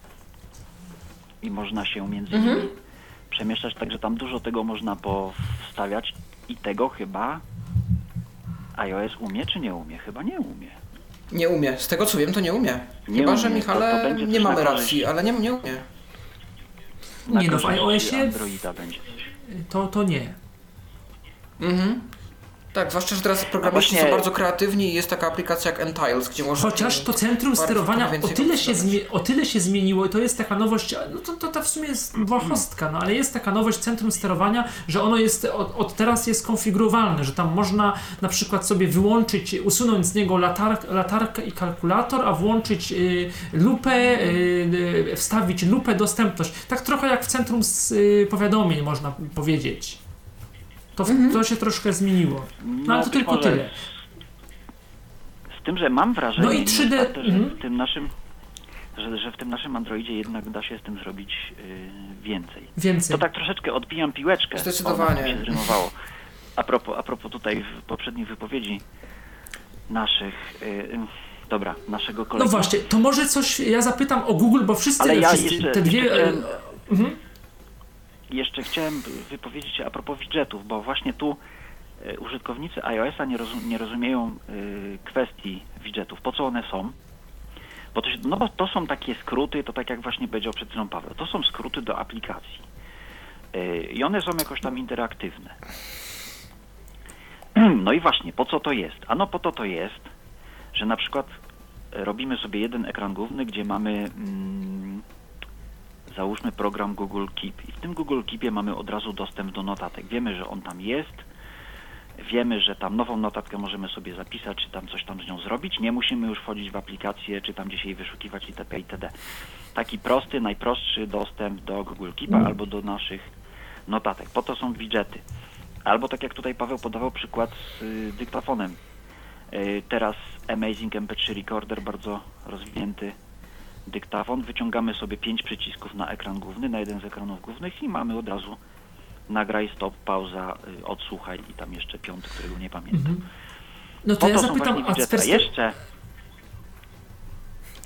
jeszcze tylko skończę. Jeszcze jest coś takiego, o czym chyba Paweł nie powiedział albo nie dosłuchałem. Jest coś takiego jak skróty. I skróty Yy, to jest w pod ikoną aplikacji? opcja. Nie, działania to takie dodawane. Mhm. Tak, działania takie dodawane. Na przykład chcemy sobie yy, wyciągnąć na wierzch ustawienia wyświetlacza, bo nam się tak zachciało. Albo chcemy sobie wyciągnąć na wierzch ułatwienia dostępu, bo będziemy tam coś często w nich robić, żeby w te ustawienia nie wchodzić, tam coś tam, to sobie wyciągamy mm, na ekran główny. Albo listę, albo listę syntezatorów. Na przykład. Albo, Aż tak głęboko się no nie da to chyba tutaj niestety, przed, ale- przetwarzanie, tak, ale opcje trochę- syntezy. Trochę inaczej. Przetwarzanie tekstu Przetwarzanie na mowę tekstu się, się to da. nazywa. I, i, I tutaj y, też się to da zrobić, rzeczywiście. Zresztą każdy jeden skrót, jaki nam Mhm. jest potrzebny. Możemy sobie zrobić ekran główny, na przykład e, jeden z ekranów głównych z, ym, z czymś, co kiedyś było jako szybko, szybkie wybieranie w, w telefonach klawiszowych. Czyli na przykład od 1 tam do 15, czy tam do, zależy jaki, jaki mamy ekran, poustawiać sobie ludzi, do których najczęściej dzwonimy. I Można, to może być zarówno telefon, jak i SMS, no co tam się chce. Można sobie poustawiać. Mhm. Tak, i to rozumiem. Jak najbardziej. To, to, właśnie- mnie akurat jako, to mnie jakoś tam przekonało, bo tak trochę właśnie, no nie, bo mówiłeś o tym e, e, Am- Amazing e, Recorderze, to tak troszkę właśnie no, nie, nie zrozumiałem tego o tyle, że jaka jest różnica. Bo e, dużo czy ludzi tego nie ja rozumie.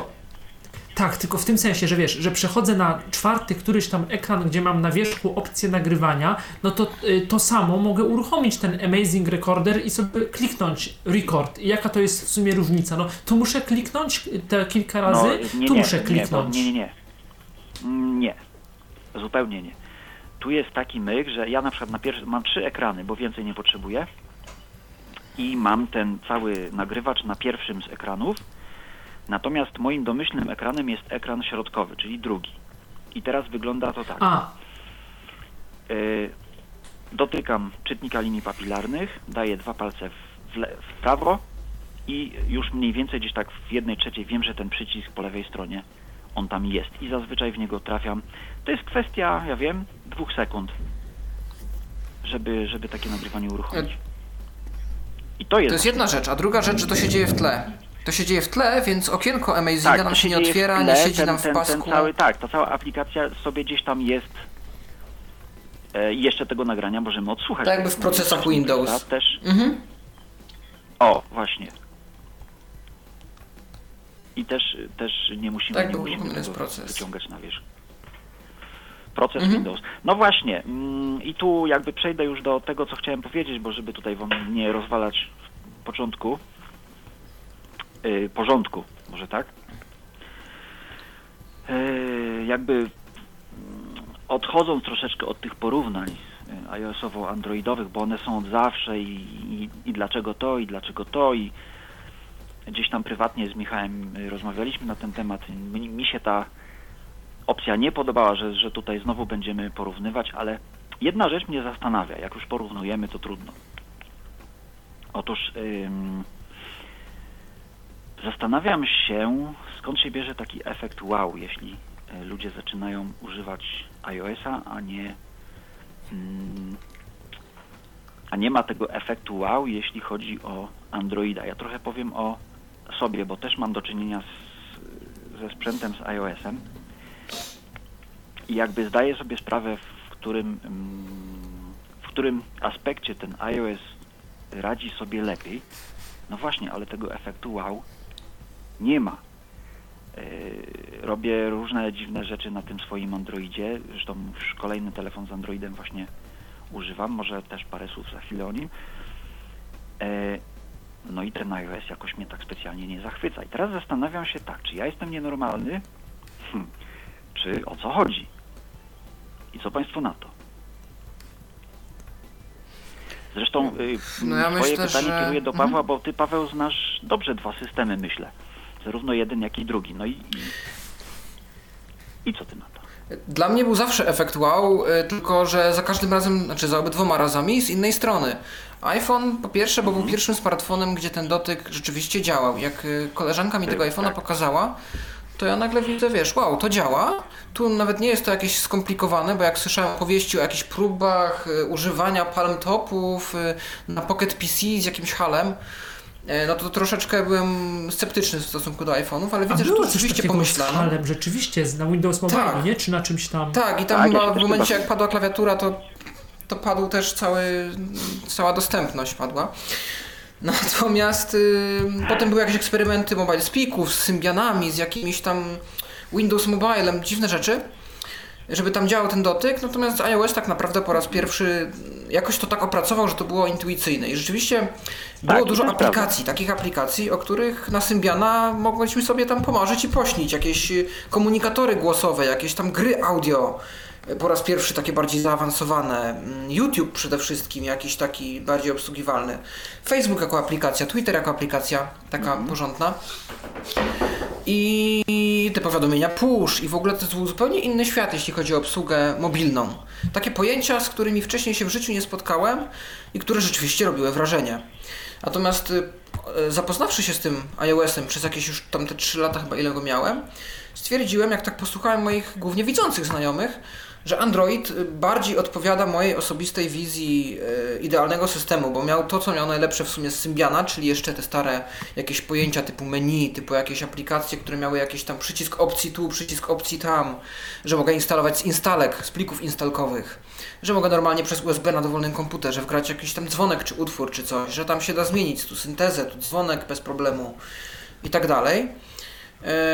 No i to, co mi opowiadali też moi bardziej geekowaci znajomi o jakichś rootach, nie rootach. No niby też był jailbreak na iOS-a. Swoją drogą jailbreak powoli umiera, zamykają się repozytoria w CD. E, No ale jednak na tym roocie to było takie bardziej, nie tyle legalne, co jakieś bardziej spodziewałeś się tego na Androidzie, że no, no tak, no Android otwarty, no to jasne, że roota się robi.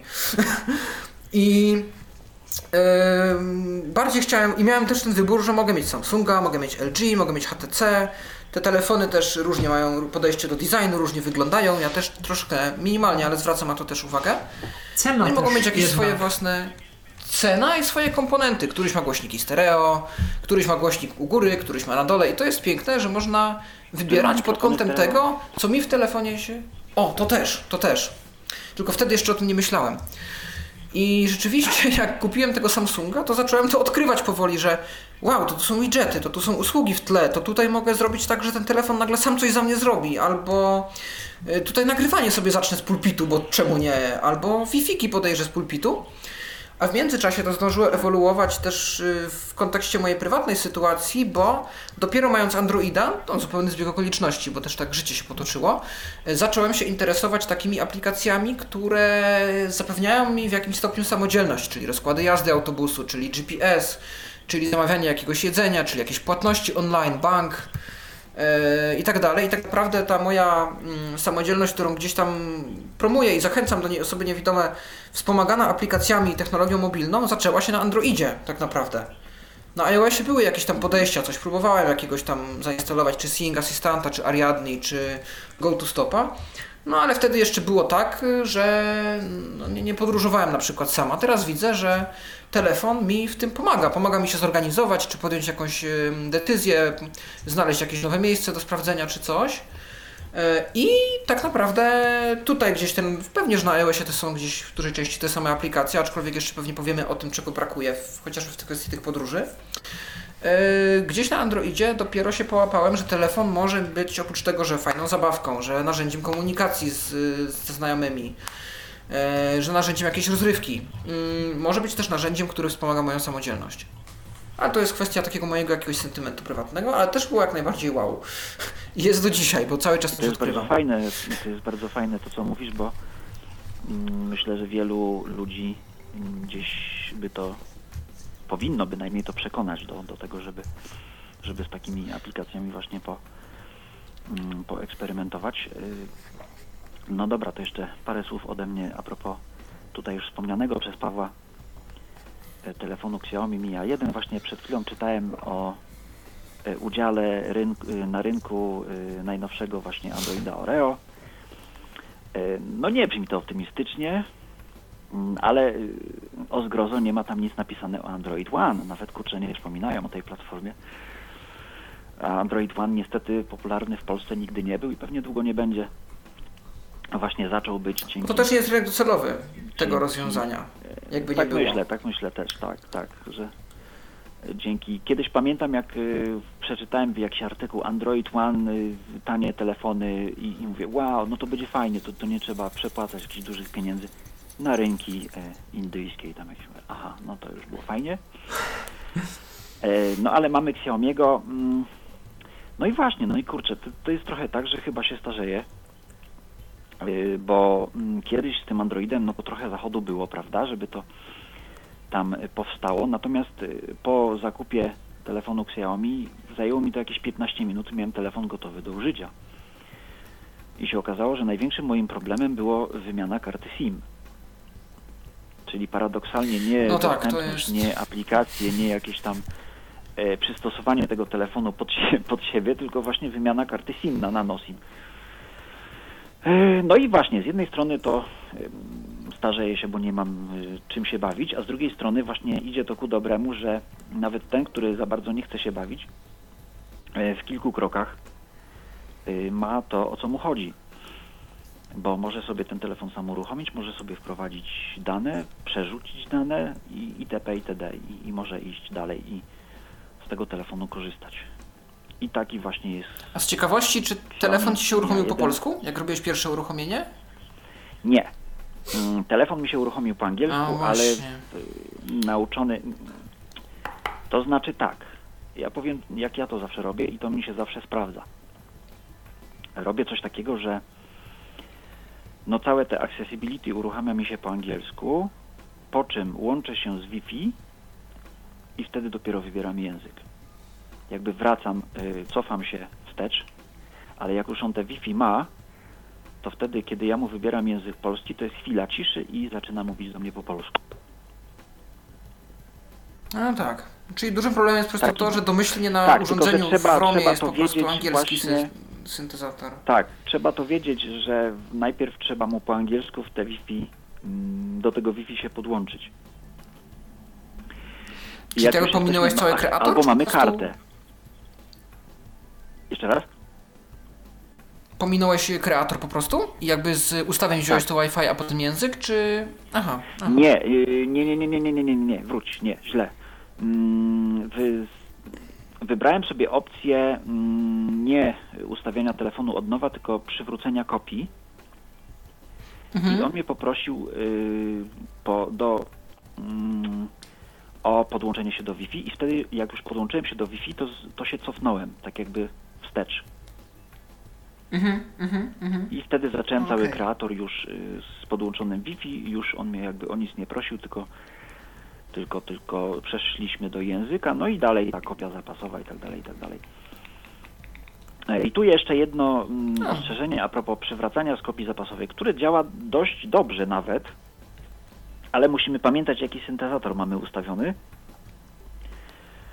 Bo ja właśnie miałem ustawioną akapelę i sam program z akapeli mi się ściągnął, natomiast nie ściągnął mi głosów.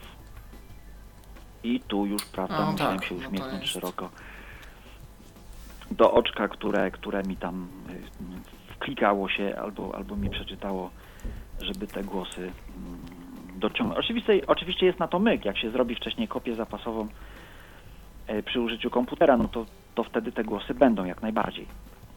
No ale, ale to też, też mm, trzeba wiedzieć. No i jeszcze jedna kolejna przewaga Androida to jest Dual SIM, panowie, prawda? To jest jedna rzecz, której iOSy nie mają, nie miały i chyba długo mieć nie będą. Plotki są, że może być, ale tak, to są tylko plotki, a plotki się różnie sprawdzają. Rzeczywiście jest to funkcja, która mi, jak właśnie byłem w Niemczech, bardzo się przydała. Miałem kartę niemiecką i polską i byłem w kontakcie de facto ze wszystkimi. Jedna była bardziej do jakiegoś takiego tam internetu na miejscu, do kontaktu lokalnego, a drugą trzymałem po prostu jako backup, żeby dzwonić tam, żeby ludzie, którzy mają mój numer, dalej mieli ze mną kontakt i to się rzeczywiście fajnie sprawdzało. W dobie naszego roamingu, prawda, to też, co prawda koszty są mniejsze, niemniej jednak, no właśnie warto taką y, kartę gdzieś tam na podorędziu mieć, no i to spokojnie umożliwia y, Dual SIM, gdzie teraz chyba montowany jest w większości aparatów, z tego co się orientuję. Przynajmniej tych chińskich, bo Samsungi nie wiem, czy mają, czy tam LG-ki. No nawet Motorola mają y, też, też, też Dual A SIM. tak, możliwe. Mhm. Także, także jest, No tak, jest no, e, staje się tak to powiem, standardem. parcie na staje się to powoli standardem i dobrze, i bardzo dobrze. Mamy do wyboru albo Dual SIM, albo kartę SD. E, I no i właśnie jeszcze Co też jest ta karta, to nagrywanie- jest też taka przewaga, tak? No bo iPhone nie, nie ma, nie będzie miał nigdy karty pamięci. bardzo dobrze. Karty pamięci i tak prosto nie to będzie miał pendrive'ów. Pendrive'ów i dysków zewnętrznych, a Też. jednak czasami zdarzy się podpiąć tak. pendrive'a do telefonu. Nie tylko, zdaje się, że klawiaturę też tak można podpiąć jak do komputera. Karty dźwiękowe komuś się udało kiedyś. No tutaj kolega y, Tomasz Bilecki mówił o jakiejś karcie dźwiękowej podpinanej na USB-C, y, do której podpinał mikrofony binauralne i, i mm, robiło mu to za takie, prawda, podręczne nagrywadło. To też jest fajne i to No też, tak. y, y, no o ile mikrofon do iPhone'a się podepnie i też tam zooma z niego można zrobić, o tyle już binauralnie mm, się nie ponagrywa. To też jest jakaś tam No trzeba by kupić hook audio, to są chyba jedyne mikrofony binauralne, które działają nawet jak po jakimś swoim własnym API i z własnej aplikacji z iPhone'em. Przy czym one tam mają coś to- też, ale pewnie to trzeba kosztują- Tomek Hmm. powiedzieć. I też kosztują i też coś tam mają w tym chipie audio zmontowane, że to nie brzmi tak fajnie jakby mogło. A no właśnie, no i tu mamy, mamy tą stereofonię. Mm, Przyznam się szczerze mm, Wam, że mm, odkąd stereofonia pojawiła się, albo dowiedziałem, inaczej, dowiedziałem się, bo mając Nexusa 5 jeszcze, yy, nawet nie wiedziałem, że jest możliwość nagrywania w stereo. Ktoś mnie tam uświadomił, może nawet Ty, Pawełku. E, I odkąd dowiedziałem się, że ta stereofonia jest, te wszystkie programy dy, dyktafonowe mm, testowałem, no to mój y, rejestrator gdzieś tam troszeczkę poszedł na półkę. E, No bo Mój też. telefon mamy zawsze. Telefon mamy zawsze, zawsze jest z nami. ym, No i tylko wyjąć, prawda, tak jak mówiłem, 3 sekundy. Y, No, robi się to deczko wolniej niż w przypadku y, sprzętu dedykowanego, ale jednak, ale jednak zawsze ten, ten, ten telefon mamy ze sobą i, i możemy. U mnie nie, o tyle nie wolniej, że mam ten przycisk dedykowany w Honorze i go przypisałem do mm, skrótu Amazing MP3 Recorder i mam trochę tak jak w Olympusach. Przytrzymujesz przycisk, włącza się nagrywanie, przytrzymujesz, drugi raz jest stop. Bardzo możliwe, że ja też to mogę zrobić, bo mam do tego przypisany dwukrotny przycisk Power, y, uruchamia, uruchamia mi aparat. Y, To Mhm. było fabrycznie tak zrobione. Bardzo możliwe, że to się gdzieś da zmienić, ale powiem szczerze, nie chciało mi się szukać. Także to też może jest jakaś... No widzisz. Aż to sprawdzę z ciekawości czystej, czy, czy to się da. Y, Bo właśnie w Androidzie 7.1.2 pojawiła się taka opcja y, gesty... mm, Jak to się nazywa? Gesty skrótów, tak? Czy gesty klawiszowe, jakoś tak że, że, że te klawisze można sobie tam modyfikować i tak dalej, i tak dalej. No i co no jeszcze? to mogę? powodzenia, bo bardzo fajna funkcja. Bardzo fajna funkcja. To ja zapytam, to bo y, przedmówcy Tak. narzekali bardzo na Google Chrome, że tam jednak jest gdzieś tam, że są problemy z tym, z tym Chrome'em. Też, też tobie się tak bardzo źle korzysta z internetu w Androidzie? Wiesz co, korzystało.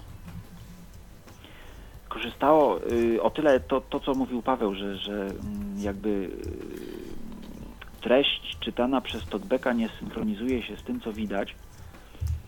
I nie wiem, z czego to wynika. Na przykład y, do dziś dnia są takie strony, których nie lubię czytać na Androidzie. To jest na przykład strona, ta, strona tabletowo.pl, y, gdzie nie bardzo wiem czemu, cały czas pojawia mi się jakiś alert o czymś, bo tak na, naprawdę ani Talkback nie, nie nadąży go przeczytać, ani ja nie bardzo umiem go znaleźć, ale jeżeli, puszczę mu tak zwane czytanie ciągłe, no i on gdzieś ten alert w tak zwanym międzyczasie dostanie, no to wtedy głupieje.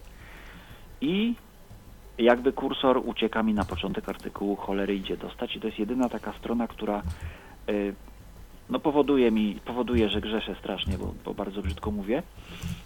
Natomiast pocieszające jest to, że większość stron, nie wiem z czego to wynika, bo czy to z przeglądarki, czy to z nowego Talkbacka, bo też testuję bety Talkbacka, y, działa to zdecydowanie lepiej niż, niż kiedyś. I nie jest to pokrętło, nie jest to przyciski, przyciski opcji, y, różne takie.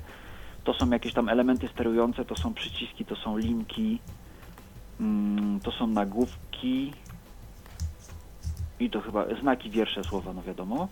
I to chyba będzie tyle, cała nawigacja, ale to już działa. Zupełnie normalnie. No, przy podpięciu klawiatury zewnętrznej mamy do dyspozycji cały komplet skrótów, Tak, taki literowy, tak, jak tak, w NVDA dokładnie. czy w JOSie. Tak. Tak.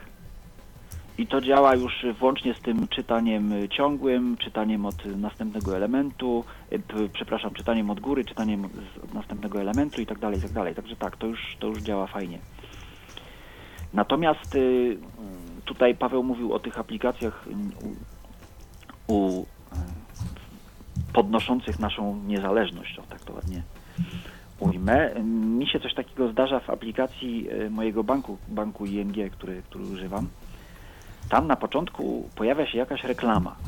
No jak wiadomo, każdy coś tam reklamuje. I wygląda to tak, że wchodząc na stronę banku, y, jakby widzę początek i koniec tej strony, a nie widzę środka. I czasami, muszę, muś, czasami jest tak, że ja tą str- stronę muszę zamknąć i zalogować się znowu i wtedy ta reklama mi się nie pokazuje. To jest wkurzające. Natomiast y, no ona ma przycisk pomiń i przycisk tam, no tam wiadomo to kredyt, weź kredyt, czy tam nie wiem co tam. Ale To- tych przycisków TalkBack nie Mhm. widzi.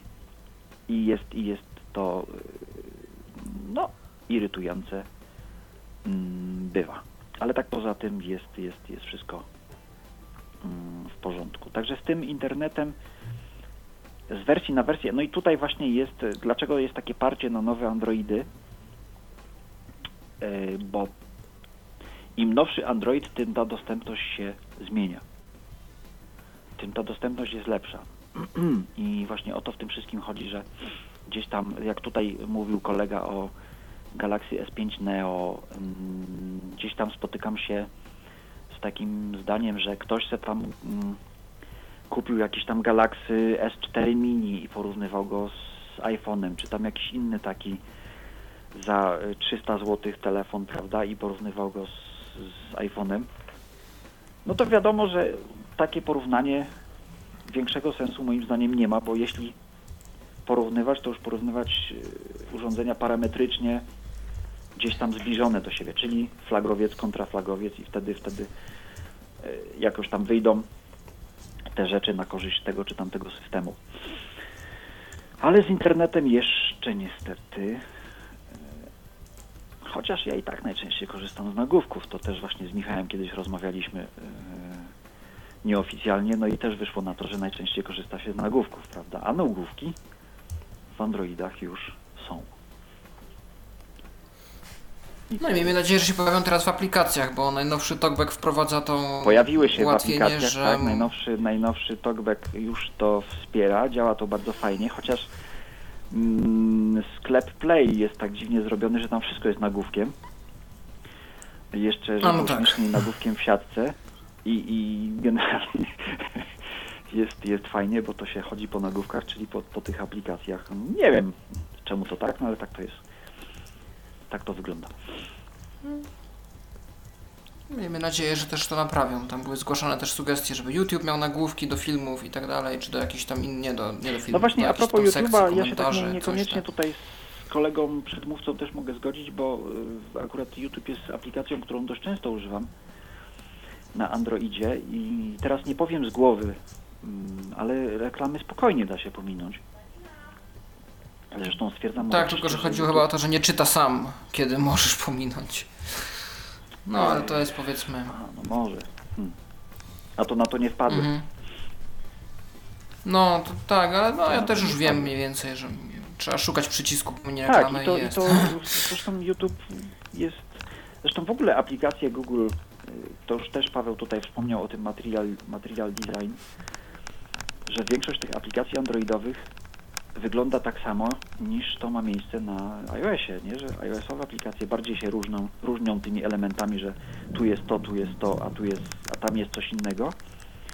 Natomiast gro tych aplikacji androidowych jest szufladka, mm, o której tu już było mówione, jest przycisk więcej opcji, jest przycisk na dole, tak jak na przykład aplikacja kontaktów, zawsze po prawej na dole jest przycisk dodaj nowy kontakt, prawda? Zawsze u góry jest wyszukiwarka, zawsze po, po lewej stronie jest y, szuflada, y, szuflada, mm, no, jak to tam się nazywa? Nawigacji. Szuflada, Szuflada nawigacji, y, Tak, albo- szuflada, szuflada nawigacji. I gro z tych aplikacji to samo Tweetings na przykład, nie? Mamy szufladę nawigacji, mamy mm, zakładkę, która się aktualnie wyświetla, mamy więcej opcji i mamy na dole przycisk do y, utworzenia nowego tweeta, czyli też już się to ustandaryzowało. Coraz więcej tych, tych aplikacji wygląda tak samo. Spotify. Y, no wiele, wiele mógłbym tu wymieniać, jak y, tych aplikacji, które się standaryzują i bardzo mnie to osobiście cieszy. Czemuż by nie. Yy, I jeszcze coś chciałem powiedzieć, tak myślę szybko. Chyba nie, chyba tyle.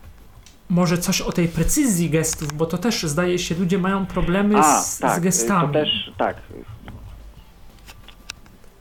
Może to wynika z tego, że mm, użytkownicy Androidów muszą zdawać sobie sprawę z jednej rzeczy, że jak gest w Androidzie jest od lewej do prawej, to on musi być od lewej do prawej, a nie po przekątnej od lewej do prawej, bo jak on będzie po przekątnej od lewej do prawej, to się nie uda się. Natomiast iOS-owi to specjalnie wielkiej różnicy nie robi, czy jest telefon przechylony lekko w tą stronę, czy lekko w drugą stronę. Yy, I no, ten telefon androidowy musi być trzymany zdecydowanie pewniej. I wtedy te gesty wychodzą. Natomiast jeśli się tego nie wie, no to gdzieś tam użytkownik się frustruje, prawda, i, i się nie udaje. No ja na przykład do dziś dnia kciukami Androida nie obsłużę, choć y, na zdolności manualne nie narzekam.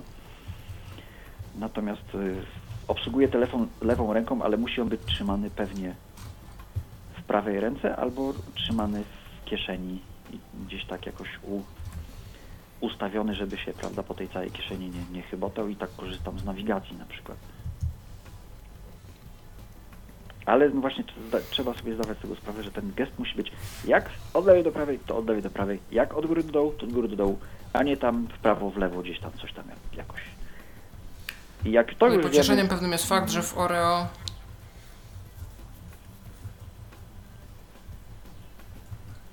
że w Oreo y, ma być troszkę usprawniona precyzja tych gestów L, y, Elek.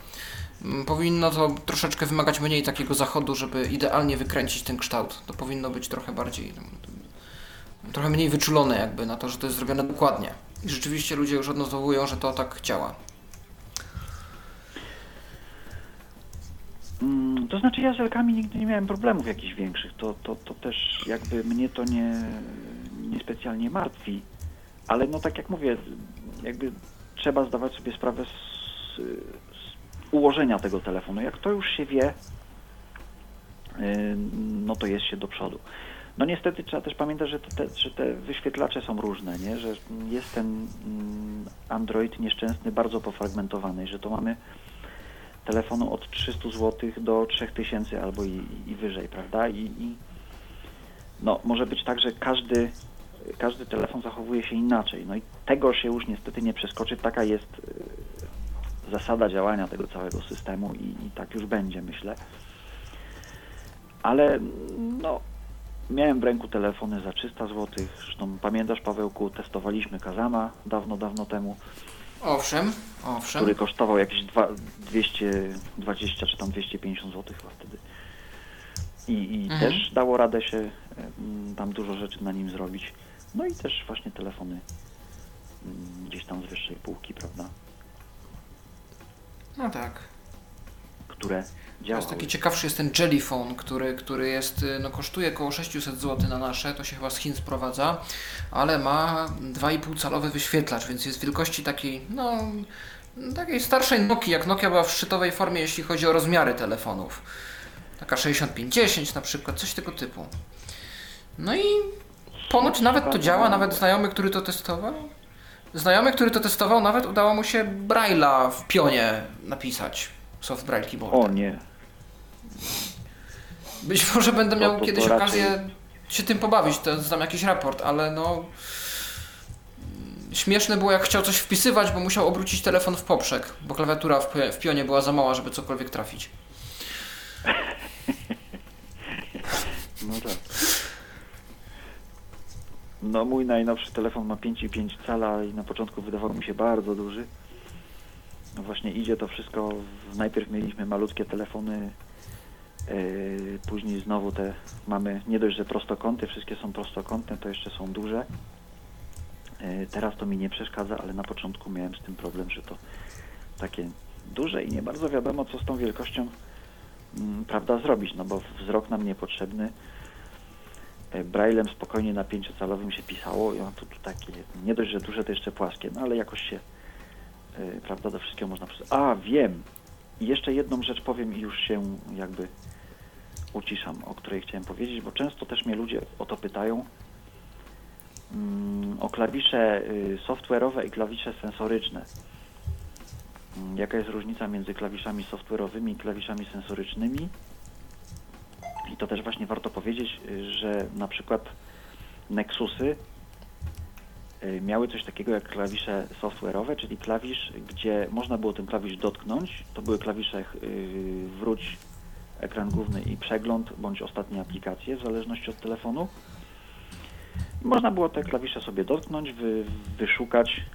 One zawsze były generalnie w tym samym miejscu, ale no, ktoś mógł sobie prawda, przejechać, przeczytać je i ewentualnie je uaktywnić, a teraz też często zdarzają się klawisze tak zwane sensoryczne, których sobie nie przeczytamy, ale które dotkniemy, które nam zawibrują i zrobią y, tą funkcję, do której są prawda, przypisane. I takie klawisze ma Xiaomi, gdzie na przykład przytrzymanie Home'a, no to jest kwestia tylko położenia palca w, w odpowiednim miejscu na, na ekranie. Z jednej strony może się to wydawać niewygodne, bo, bo tak jak mówię, te klawisze nie są podpisane, a z drugiej strony jest to bardzo wygodne, bo te klawisze zawsze są w tym samym miejscu i po prostu odpowiednie dotknięcie, pyk yy, i załatwia sprawę.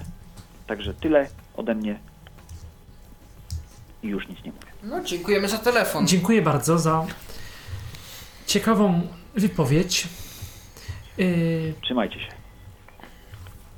Cześć, cześć.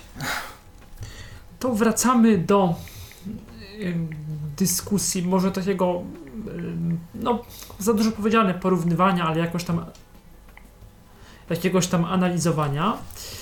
Yy, I yy, cóż, dyktowanie. Teraz dyktowanie yy, i asystent, yy, yy, i głosowe, głosowe asystenty w rodzaju no w iOSie jest Siri, tutaj jest yy, Google, to się teraz jak nazywa? Google Asystent, Google, Asystent. Google Assistant, y, ewentualnie inne jakieś rozwijane y, open source'owe albo i nie asystenty y, głosowe. Jak, y, co tutaj nam, na co pozwala nam y, Android, zarówno właśnie jeżeli chodzi o te rozwiązania firmowe, czyli no, mm, Google, jak i na rozwiązania y, dodatkowe, które możemy sobie jakoś skonfigurować, doinstalować. No bo w Siri, w, w sensie w Apple, wiadomo, jest Siri, działa y, z wieloma usługami aplowskimi i nie tylko. Problem w tym, że nie działa w języku polskim. I oczywiście no, możemy sobie po angielsku ustawić budzik, uruchomić. y, Ja bardzo z tego korzystam, o wiele mniej, mniej teraz korzystam z ekranów y, właśnie iPhone'a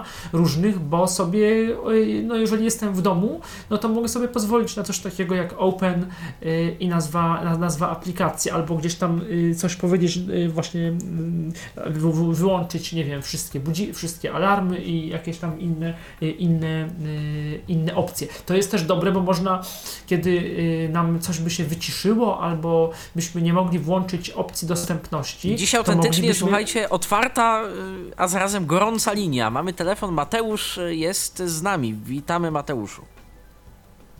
Witam serdecznie wszystkich. Ja kilka słów dosłownie o Androidzie Oreo. Dokładnie wersja 8.1 to jest beta na urządzeniu Pixel 2. I od razu o, czu- o czułości tych gestów chciałem powiedzieć. Faktycznie Mhm. jest, jest No, trochę łatwiej. Zwłaszcza z tymi L-kami. e, można powiedzieć, że ta L-ka może być taka lekko mm, krzywa. Nie trzeba jej tak precyzyjnie wykonywać, to można powiedzmy półuczkiem ją wykonać. De facto. No widzisz, to są łatwe pierwsza sporo rzecz. osobom, które mają y, zmniejszoną sprawność manualną. Mhm. Mhm, No i ogólnie same te gesty lewo-prawo też, też można wykonywać tak powiedzmy mniej, no, no mniej, mniej dbale, o tak powiedzmy. Jest jedna rzecz. Mhm. Eee, nie wiem czy to w 7 w 7.1 już się pojawiło, ale w 8 8.1 jest tak, że jak zrobimy przez cały ekran od góry do dołu, pociągniemy, e, no to czyta, nie? W sensie tam od miejsca, gdzie stoimy. Tak się to zachowuje? a to widzisz, to tego nie wiedziałem. Ale to się różni no, przy użyciu działa tego gestu gest, palcem w dół, żeby przełączyć szczegółowość? Mówisz od dołu, Nie, od w sensie, że dołu. jak zrobi... przeciągniesz od samej góry do, do samego dołu ekranu jednym palcem. Aha, no to ciekawe. Okej. E, to włączenie mowy na dzień dobry działa faktycznie tymi dwa, dwa klawiszami głośności, tak jak mówiłeś już. Mhm. E, co jeszcze, jeszcze z takich rzeczy... No, są te gesty na czynniku, ale to już wprowadza sam Android 8 dodatkowe. Ja Mhm. sobie ustawione gesty związane z dialerem, w sensie, że lewo, prawo po czynniku linii papilarnych odbieranie, od, odrzucanie połączeń. No widzisz, no jest to też Eee, jako mm, fajna praktyka, no. E, pojawiło się Yy, sporo Zdaje się, że rzeczy macie też głośność osobną dla... Osobną głośność dla tego Tak, beta też jest, macie jest. chyba, zdaje się. Głośność dostępności. Są oso- jest osobny, jest, os- jest, jest i do tego jak jest ten, to okienko, co się pojawia z różnymi tymi suwakami głośności, e, Mhm. żeby je zamknąć, to po prostu wystarczy przy, machnąć w prawo gestem, nie? Mhm. Mm, Jasne. z takich rzeczy. E, co jeszcze? No jeszcze trochę rzeczy się pojawiło dla osób słabowidzących, właśnie z tam, różne związane z tam z dostosowaniem kolor- kolorystycznym e, i trochę rzeczy w powiększeniu.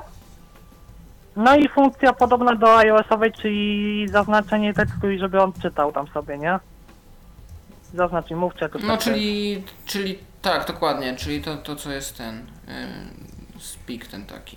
Wiem, to jest ten, mowa się to Mhm. nazywa po polsku, selective speak chyba. Tak, tak, dokładnie.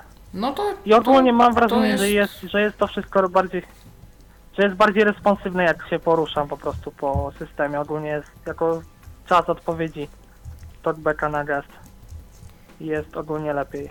No to, to miło słyszeć, tylko po prostu zachęca to do zakupu telefonu z Androidem Oreo. Miejmy nadzieję, że takich będzie więcej i coraz więcej na rynku.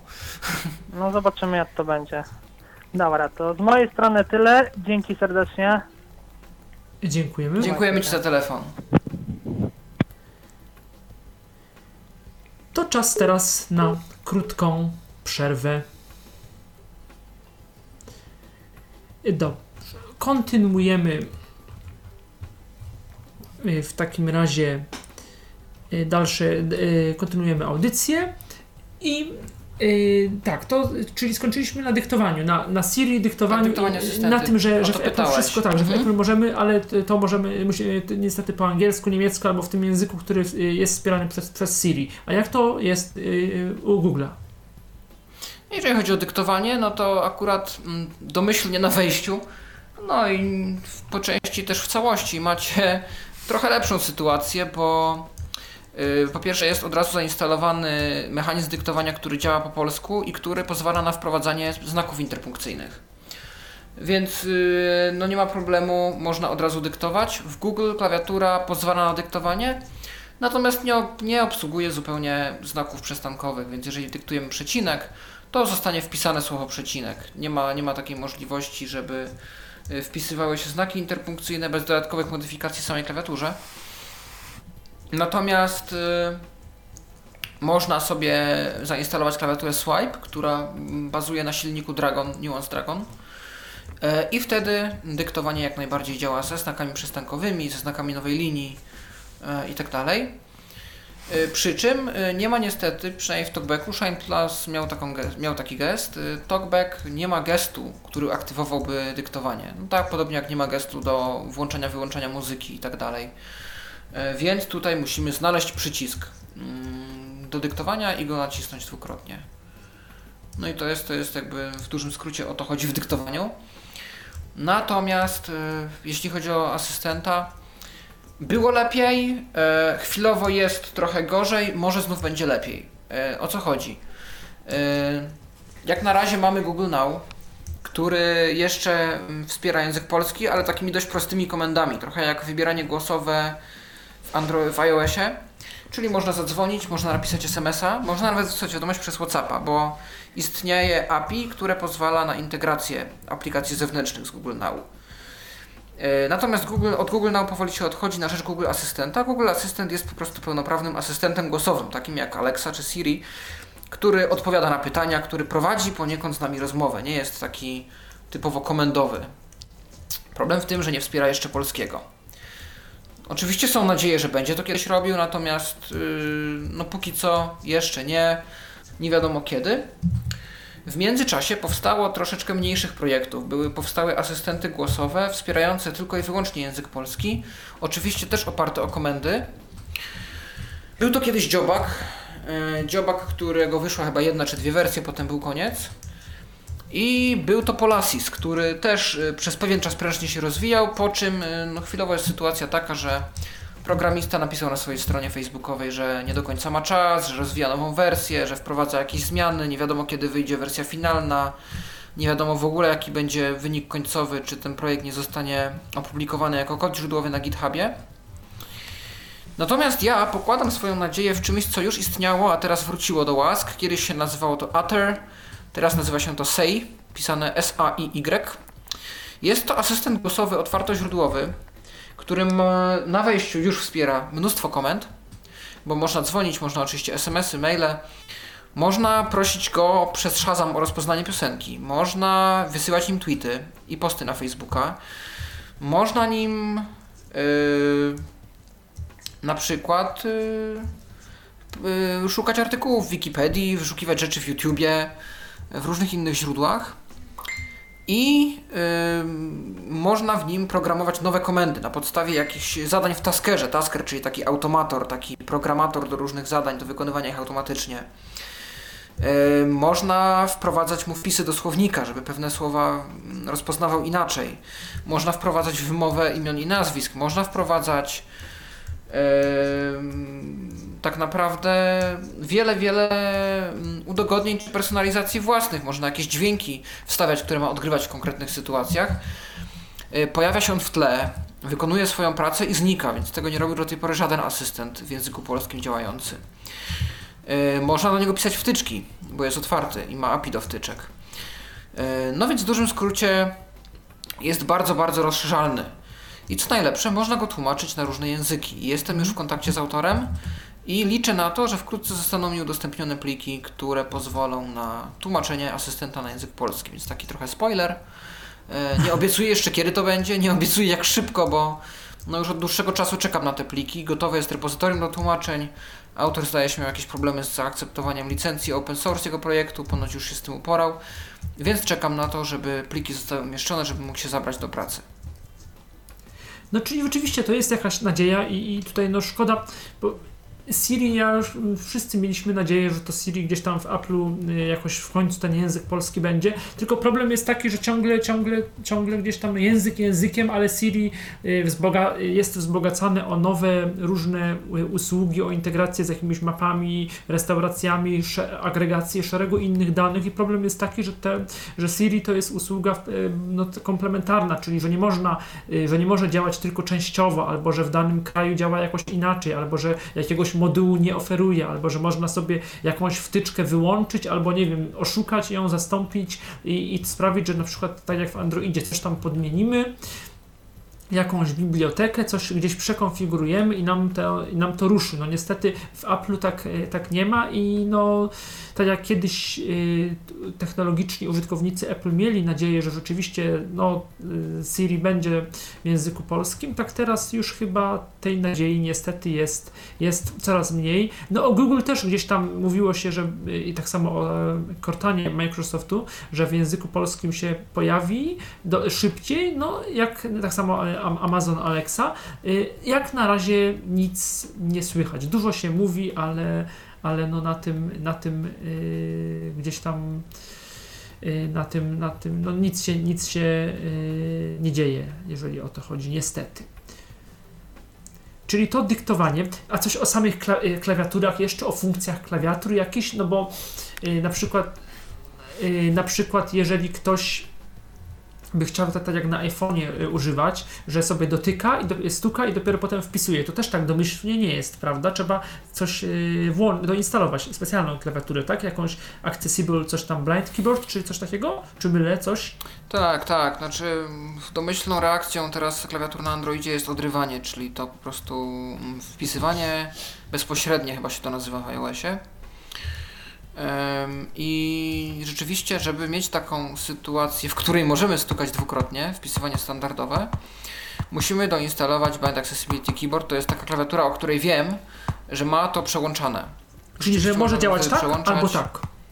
Tak, dokładnie. I z polskimi literkami bez problemu. Mm, bez problemu, bez problemu. A dyktowanie Ponadto wtedy? A dyktowanie wtedy? Bo jak to jest... Jest przycisk dyktowania. Jest przycisk dyktowania, tylko że jest wykorzystywany mechanizm Google. Aha, Więc to, o czym, to, o czym mówiłem, nie ma. Ale to dyktowanie Google dobrze wiem, ono działa, y, co prawda musi mieć chyba bardziej, y, no chociaż nie jestem internetem, to różnie, ale dyktowanie Google działa, jest, ono dobrze działa z tego co wiem, bardzo, tak ogólnie. Pomijam te znaki Ogólnie, tylko to, co, to, to, to, o czym mówiłem, jest takie interpunkcyjne i to jest, no, myślę, że duży i tak problem, bo no ja No tak chciałbym, jest, dyktując, tak, wpisywać, wpisywać interpunkcję poprawną. Przy dłuższej myśli to może być, y, no tak, jak wpisujemy nazwę kontaktu czy, czy coś takiego, to, to, to, to, to spokojnie, y, natomiast rzeczywiście, kiedy, kiedy byśmy chcieli nawet jakiś wpis opublikować na Twitterze, na Facebooku, no to, to rzeczywiście to, no to nie powinno się tak robić. Tam jeden znaczek to nieważne, ale w całości, no to rzeczywiście y, tak. Na, natomiast Android jest dużo bardziej kreatywny, jeśli chodzi o klawiatury, tak samo jak i o launchery. W kwestii klawiatur mamy takie standardowe klawiatury, które pozwalają na wpisywanie po prostu znaków. Mamy klawiaturę brailleowską, która w pełni działa. Y, Mamy na przykład klawiaturę ym, morsową. Nawet znalazłem klawiaturę alfabetem Morse. Są dwa przyciski po prostu do kresek i kropek i się nadaje alfabetem Morsa tekst ym, w polu edycji, jeżeli ktoś tak lubi. Sam Blind Accessibility Keyboard ma układ komputera PC, czyli ma po prostu strzałki, którymi możemy nawigować kursorem po tekście. Ma Shift yy, ze wszystkimi tego konsekwencjami. Jeżeli przycisnę Shift, a potem dwójkę, robi się małpa. Yy, mam Alt, więc polskie znaki mogę wpisywać Altem. Yy, mam jakieś przyciski F, które nie wiadomo do czego w sumie do końca służą, ale są. Yy, Jest klawiatura numeryczna, jeżeli ktoś ma tak duży ekran, że miejsca mu starcza i jest numpad, normalnie z boku. No, można w blokiem numerycznym wpisywać cyfry. Możemy tworzyć własne układy klawiatur, w którym będą takie klawisze, jakie chcemy i w tych miejscach, w których chcemy. Więc y, dowolność jest duża. w kwestii launcherów, oprócz takich standardowych, że tak jeszcze do tego wrócę, e, oprócz takich standardowych, gdzie są po prostu strony z aplikacjami, ja na przykład znalazłem launcher T9, który pokazuje nam domyślnie klawiaturę telefonu i możemy przypisać sobie do poszczególnych cyfr e, szybkie wybieranie nie tylko numerów, ale i aplikacji. E, I możemy za pomocą T9, czyli wpisywania po prostu po pierwszej cyfrze, pod którą jest litera, tak jak na starej Nokii, e, możemy wpisywać nazwę aplikacji i w ten sposób ją uruchamiać. E, Ja na przykład aktualnie korzystam z CLI Linux Launcher, czyli launcher, który, ekran główny, który jest konsolą Linuxową i wpisując komendy mogę różne akcje osiągać. Mogę wpisać po prostu nazwę aplikacji, uruchomić, a mogę napisać call e, no Michał Kasperczak i zadzwonię w tym momencie do Ciebie, albo SMS Michał Kasperczak, potem w, drugim, w drugiej komendzie wysyłam treść wiadomości, wysyłam SMS-a prosto z pulpitu, co z w połączeniu z klawiaturą brailleowską jest bardzo szybkie tak naprawdę i wygodne. E, Więc y, mogę y, dużo szybciej pewne rzeczy osiągać niż y, normalnie. Dobrze, teraz czas na krótką przerwę. Wracamy za kilka minut.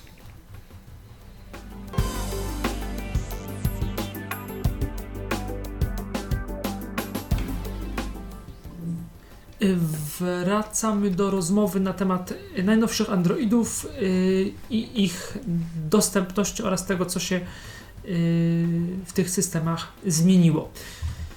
Mówiliśmy o dyktowaniu, o klawiaturach, o asystentach głosowych, to teraz troszeczkę zapytam o dialery, czyli o aplikacje telefoniczne do dzwonienia, y, służące do dzwonienia oraz o mm, aplikacje wiadomości, do, do wysyłania wiadomości, jak rozumiem SMS-ów głównie gdzieś tam i y, ewentualnie in, innego rodzaju. Jak to y, teraz y, wygląda?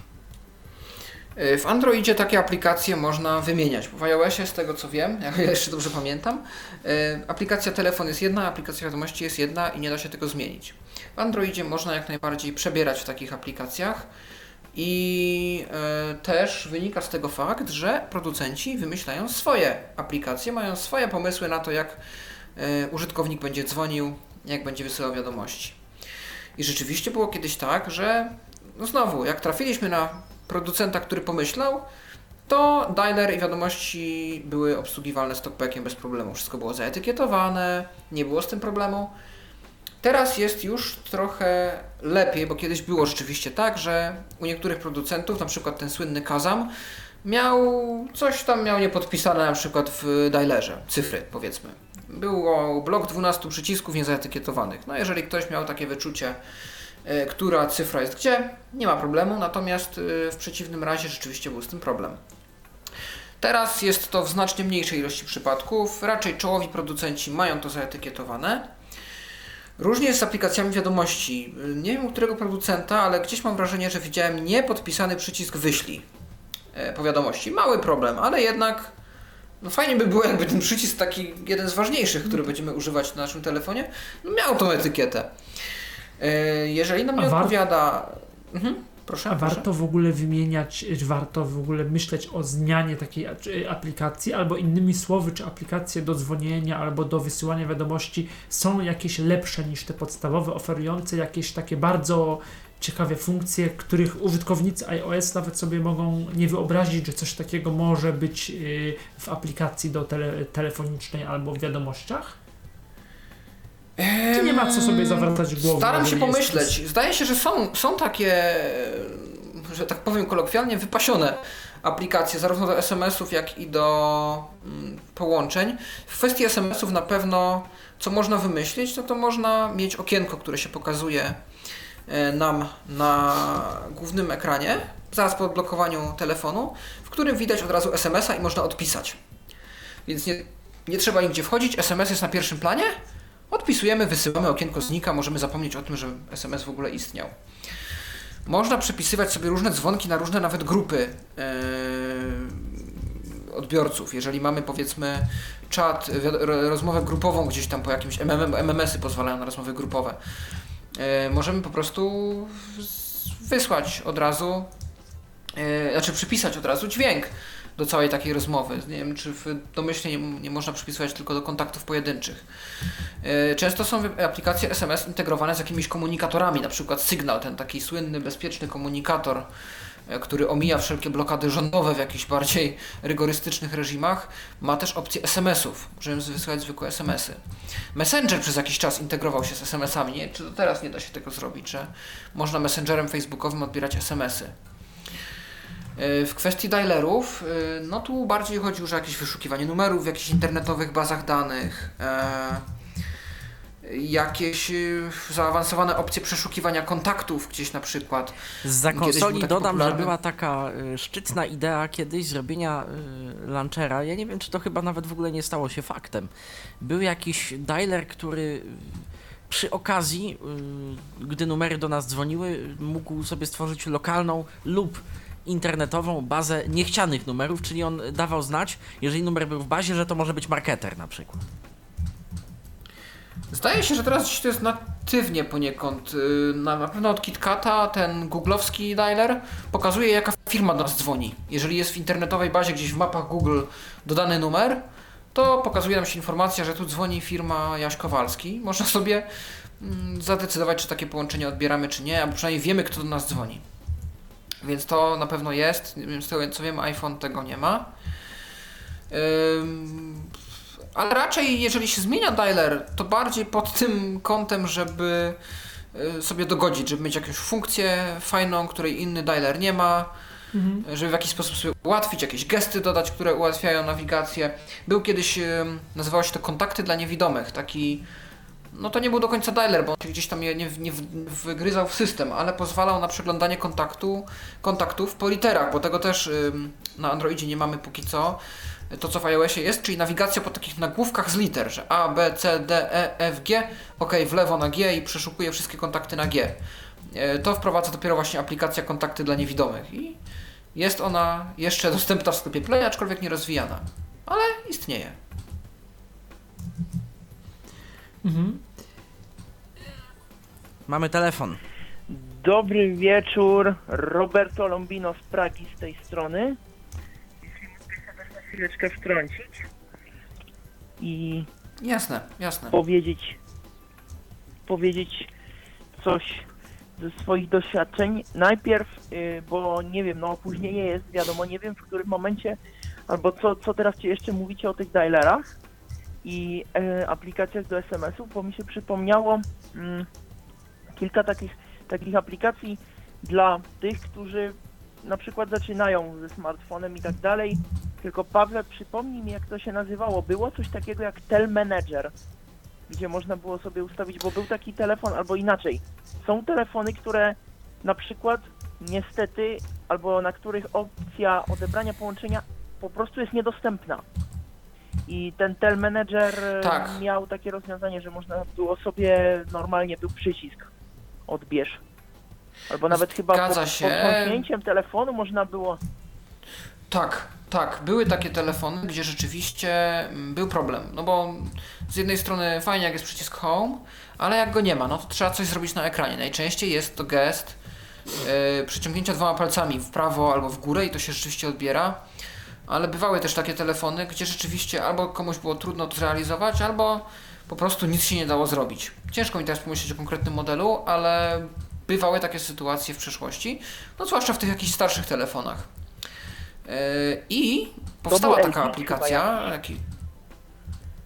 No się LG mają te przyciski z tego co pamiętam, ale możliwe, że bo ja chyba wiem o której sytuacji mówisz i tam ktoś miał chyba problem z y, odnalezieniem tego przycisku czy z namierzeniem czegoś. Natomiast dało się rzeczywiście zastąpić ekran odbierania rozmowy dostępnym i był wtedy przycisk odbierz odrzuć, a był też gest do mm, potrząśnięcia telefonem, który odbierał połączenie. E, Powiem więcej, był kiedyś taki program. Niestety uciekła mi nazwa, ale on był w ogóle bardzo zaawansowany. On mógł potrząśnięciem, odpowiednia ilość potrząśnięć robiła tam różne rzeczy. Tam się dało odbierać, odrzucać, wyciszać dzwonek.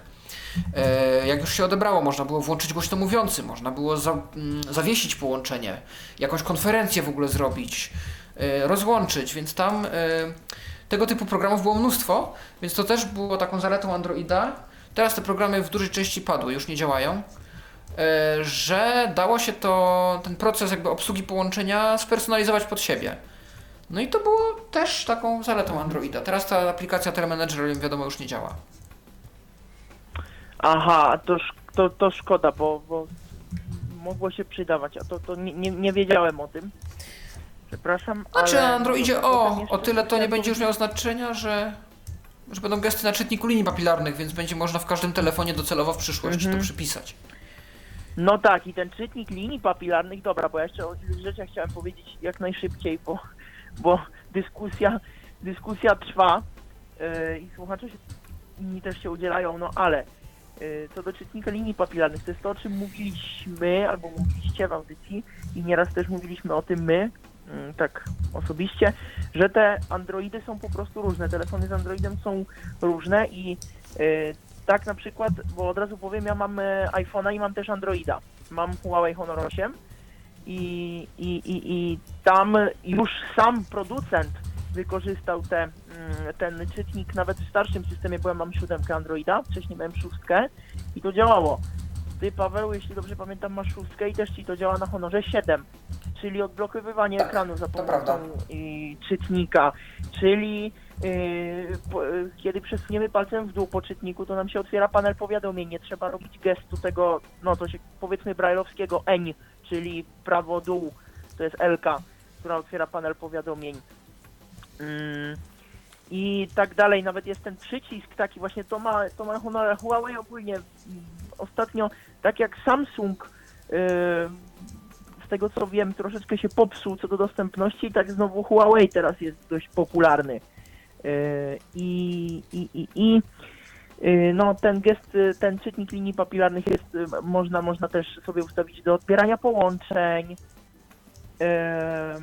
Jest jeszcze taka opcja, że kiedy podniesiemy telefon, to nam się dzwonek wyciszy i tak dalej, więc po prostu producenci troszeczkę tak to może nieładnie powiem, ale producenci się bawią. No taka prawda po prostu, producenci się bawią i wychodzi bardzo ciekawie w, w wyniku potem. No, więc tak. I jest ten przycisk jeszcze, my mamy, gdzie można sobie ustawić to, o czym ty mówiłeś. Ja tam mam na przykład ustawione wyszukiwanie głosowe, czyli powiem mu zadzwoń do kogoś tam i on mi zadzwoni. To jest standardowe wyszukiwanie głosowe. No może to nie jest Siri, ale nie wiem, czy Siri na przykład znowu nam wyświetli, kiedy powiemy, że pogoda gdzieś tam, to czy, czy, czy, czy wyświetli tak jak to Google wyszukiwanie, od razu zakładkę taką, jakby takie okno, gdzie możemy sobie przeglądać dni potem następne w tym miejscu, jaka będzie pogoda i tak dalej. I to działa, rzeczywiście i to działa. To testował Tomasz Bilecki, nasz kolega, albo wasz kolega redakcyjny. No, mm, więc producenci naprawdę się bawią i wychodzi, wychodzi różnie.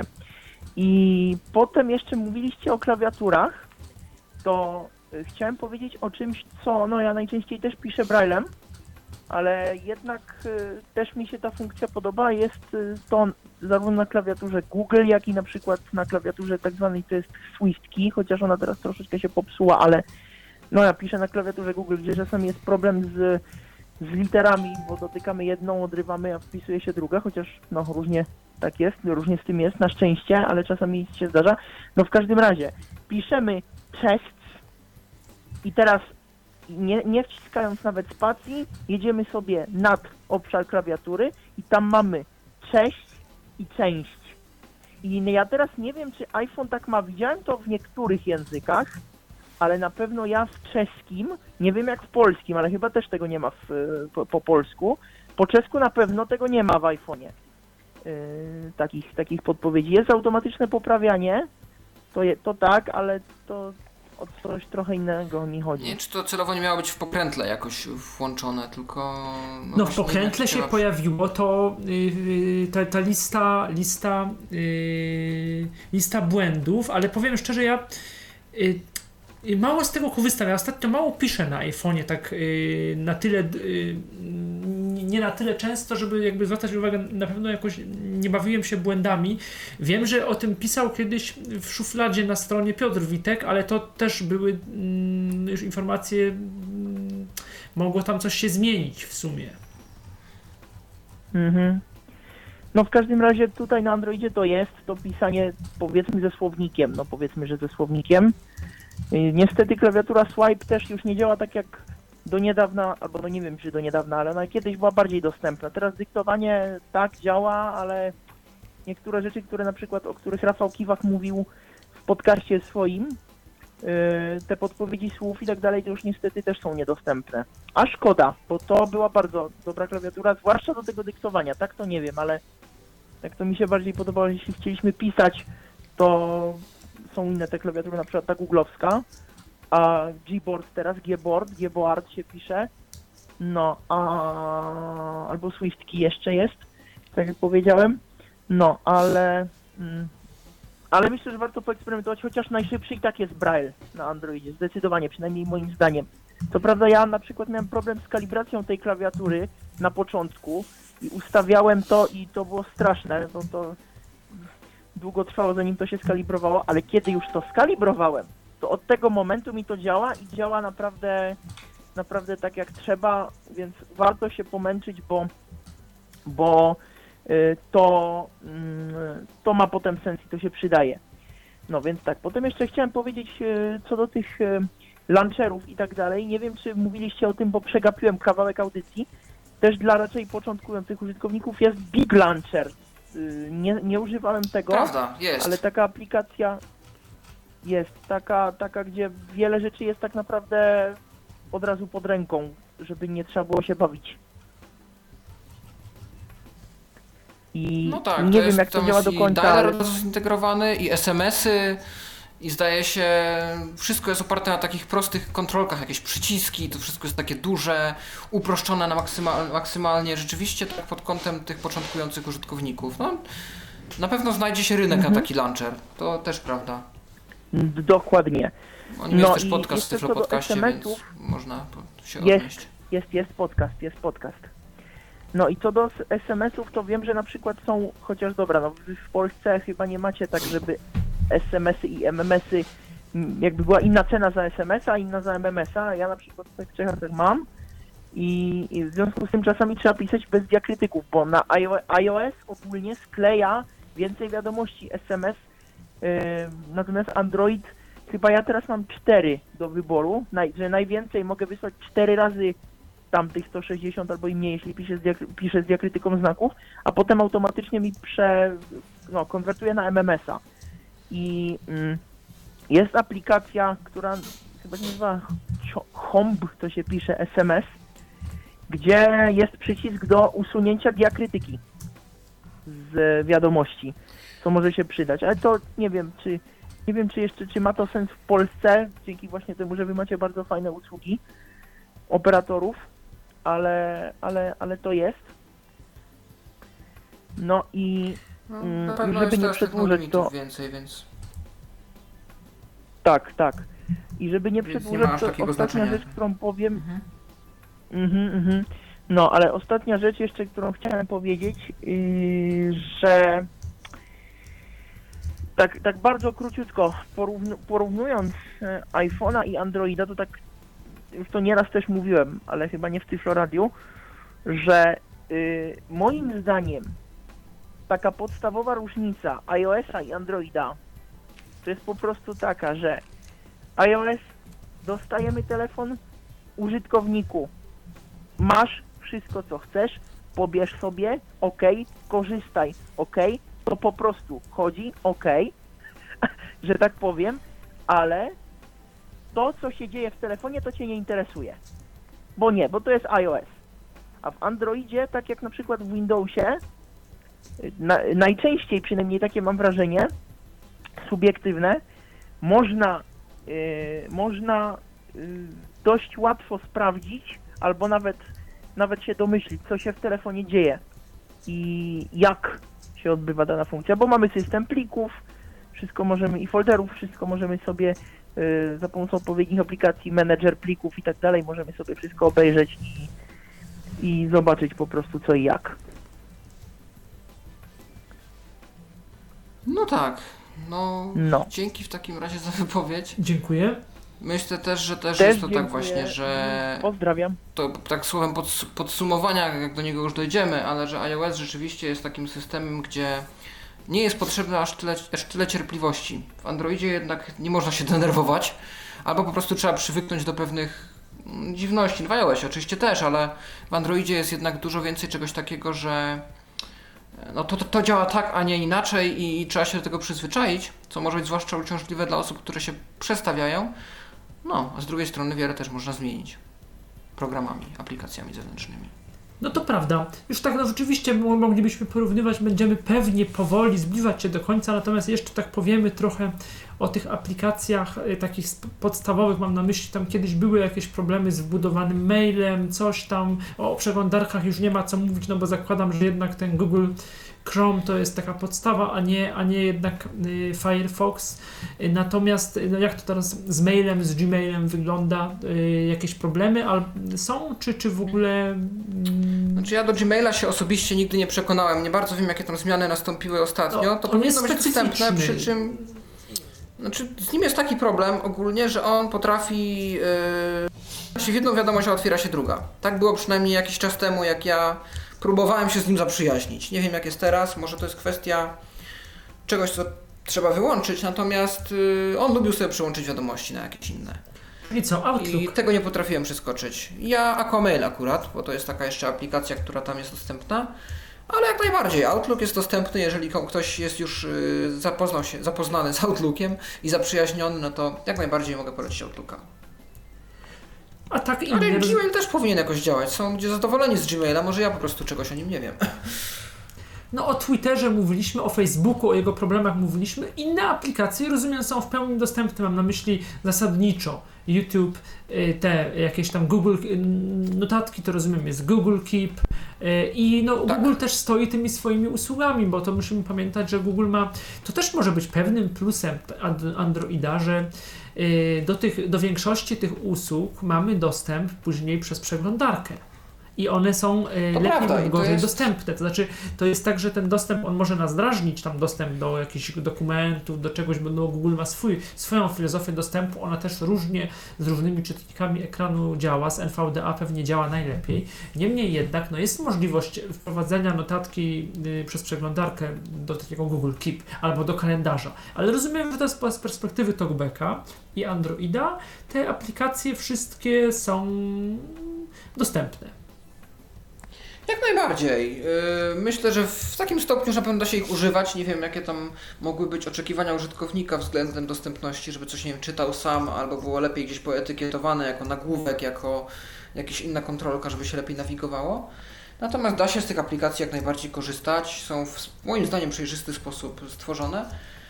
A jest też to, o czym mówisz, że mają swoje interfejsy webowe. I to jest moim zdaniem piękne też w Androidzie, że y, można wiele rzeczy robić z komputera. Jeżeli ktoś gdzieś nie czuje się mm, na siłach pisać na telefonie, możemy instalować aplikacje z komputera. Możemy dodawać kontakty z komputera. Yy, Jeżeli zgubimy telefon, to też z komputera, z poziomu Android Device Mana- Managera urządzeń Android, ma też polską nazwę, można yy, znaleźć ten telefon, wywołać go, znaleźć go po GPS-ie, wyczyścić mu dane. Ym, Gdzieś ponoć dało się kiedyś ustawiać budzik, ale do tego nie dotarłem z poziomu przeglądarki. No i ogólnie Google jest taki bardziej stawia na to powiązanie przez internet. Możemy ch- y, przez chmurę wydrukować coś na dowolnej drukarce, która jest na tym samym komputerze, gdzie nasz Chrome.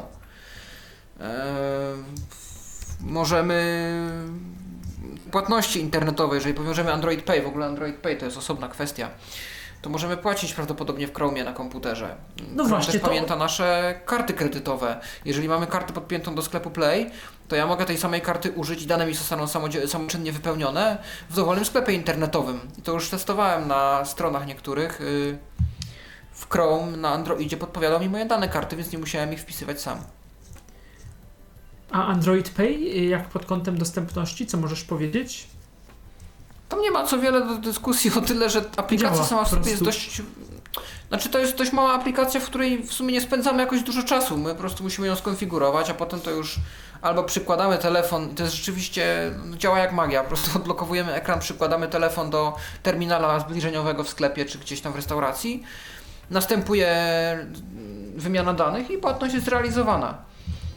I to, co mi się w tym podoba, w momencie, gdy coś nie zadziała, powiedzmy, nie wiem, jakiś wyskoczy błąd i tak dalej, mamy informację od razu na telefonie. Domyślam się, że jeżeli byśmy płacili przy terminalu z dotykową klawiaturą, to możemy wpodać PIN z poziomu telefonu, bo już mi się tak zdarzyło, że jakieś tam zbliżenie nie wyszło i poprosiło mnie o wpisanie PIN-u z, poz- z pozycji telefonu. Natomiast też mamy tą przewagę, że widzimy od razu ile zapłaciliśmy. Więc w powiadomieniach wyskakuje informacja ile mm, zapłaciliśmy. Można od razu ewentualnie wykryć, jeżeli kwota będzie gdzieś za wysoka czy coś. A w aplikacjach, e, które to wspierają, ja ostatnio w Pysznym się spotkałem, też jest opcja zapłać Android Pay. Pokazuje się okienko autoryzacji, przykładam mój palec do czytnika, rozpoznawany jest odcisk i też jest pobierana od razu płatność. Mhm.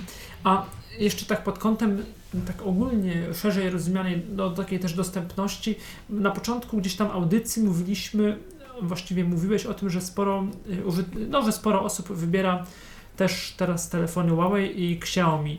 Y, Czy one, no bo tam one mają, zakładam, że mówimy o tej dystrybucji europejskiej, nie tej chińskiej, która gdzieś tam ma specjalne usługi, wręcz aplikacje gdzieś tam chińskie, ale yy, no, te urządzenia są chwalone gdzieś tam, że, że, że, nakładki mają takie ładne, podobne do iPhone'a, yy, z dostępnością gdzieś tam z tego co wiem, to pewnych opcji bywa, nie jest źle, nie wszystko jest tak w pełni dostępne, ale czy są jakieś yy, tam specjalne właśnie funkcje yy, yy, albo usługi czy aplikacje, w sensie usługi mm, no, la- launchera, czy w ogóle systemu oferowane przez, przez właśnie Xiaomi albo przez, przez yy, Huawei, dzięki czy tam Honor, dzięki którym, yy, kt- które sprawiają, że użytkownikowi z naszej perspektywy pracuje się jakoś lepiej, coś możesz to jakoś yy, rozwinąć, czy nie ma, nie ma czego rozwijać?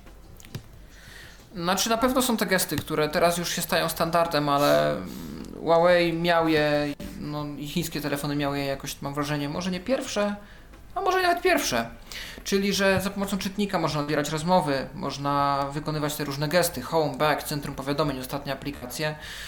Możemy do odcisków pisać sobie aplikacje, czyli, że mm, palec wskazujący otwiera mi Twittera, palec środkowy otwiera mi Facebooka i tak dalej. E, Kolejność przypadkowa. Natomiast mamy też przycisk funkcyjny, który pozwala na definiowanie różnych akcji. Mamy te gesty, o których mówił Roberto, że jakieś podniesienie telefonu e, powoduje wyciszenie dzwonka. Mi się raz udało skorzystać z rysowania na ekranie zablokowanym. Można narysować literę i ta narysowana litera otwiera zdefiniowaną aplikację. I to mi też zadziałało kiedyś. E, No i w dużej części to są takie te małe funkcje, które są gdzieś tam pododawane, które nagle się okazuje, że w jakimś stopniu ułatwiają korzystanie.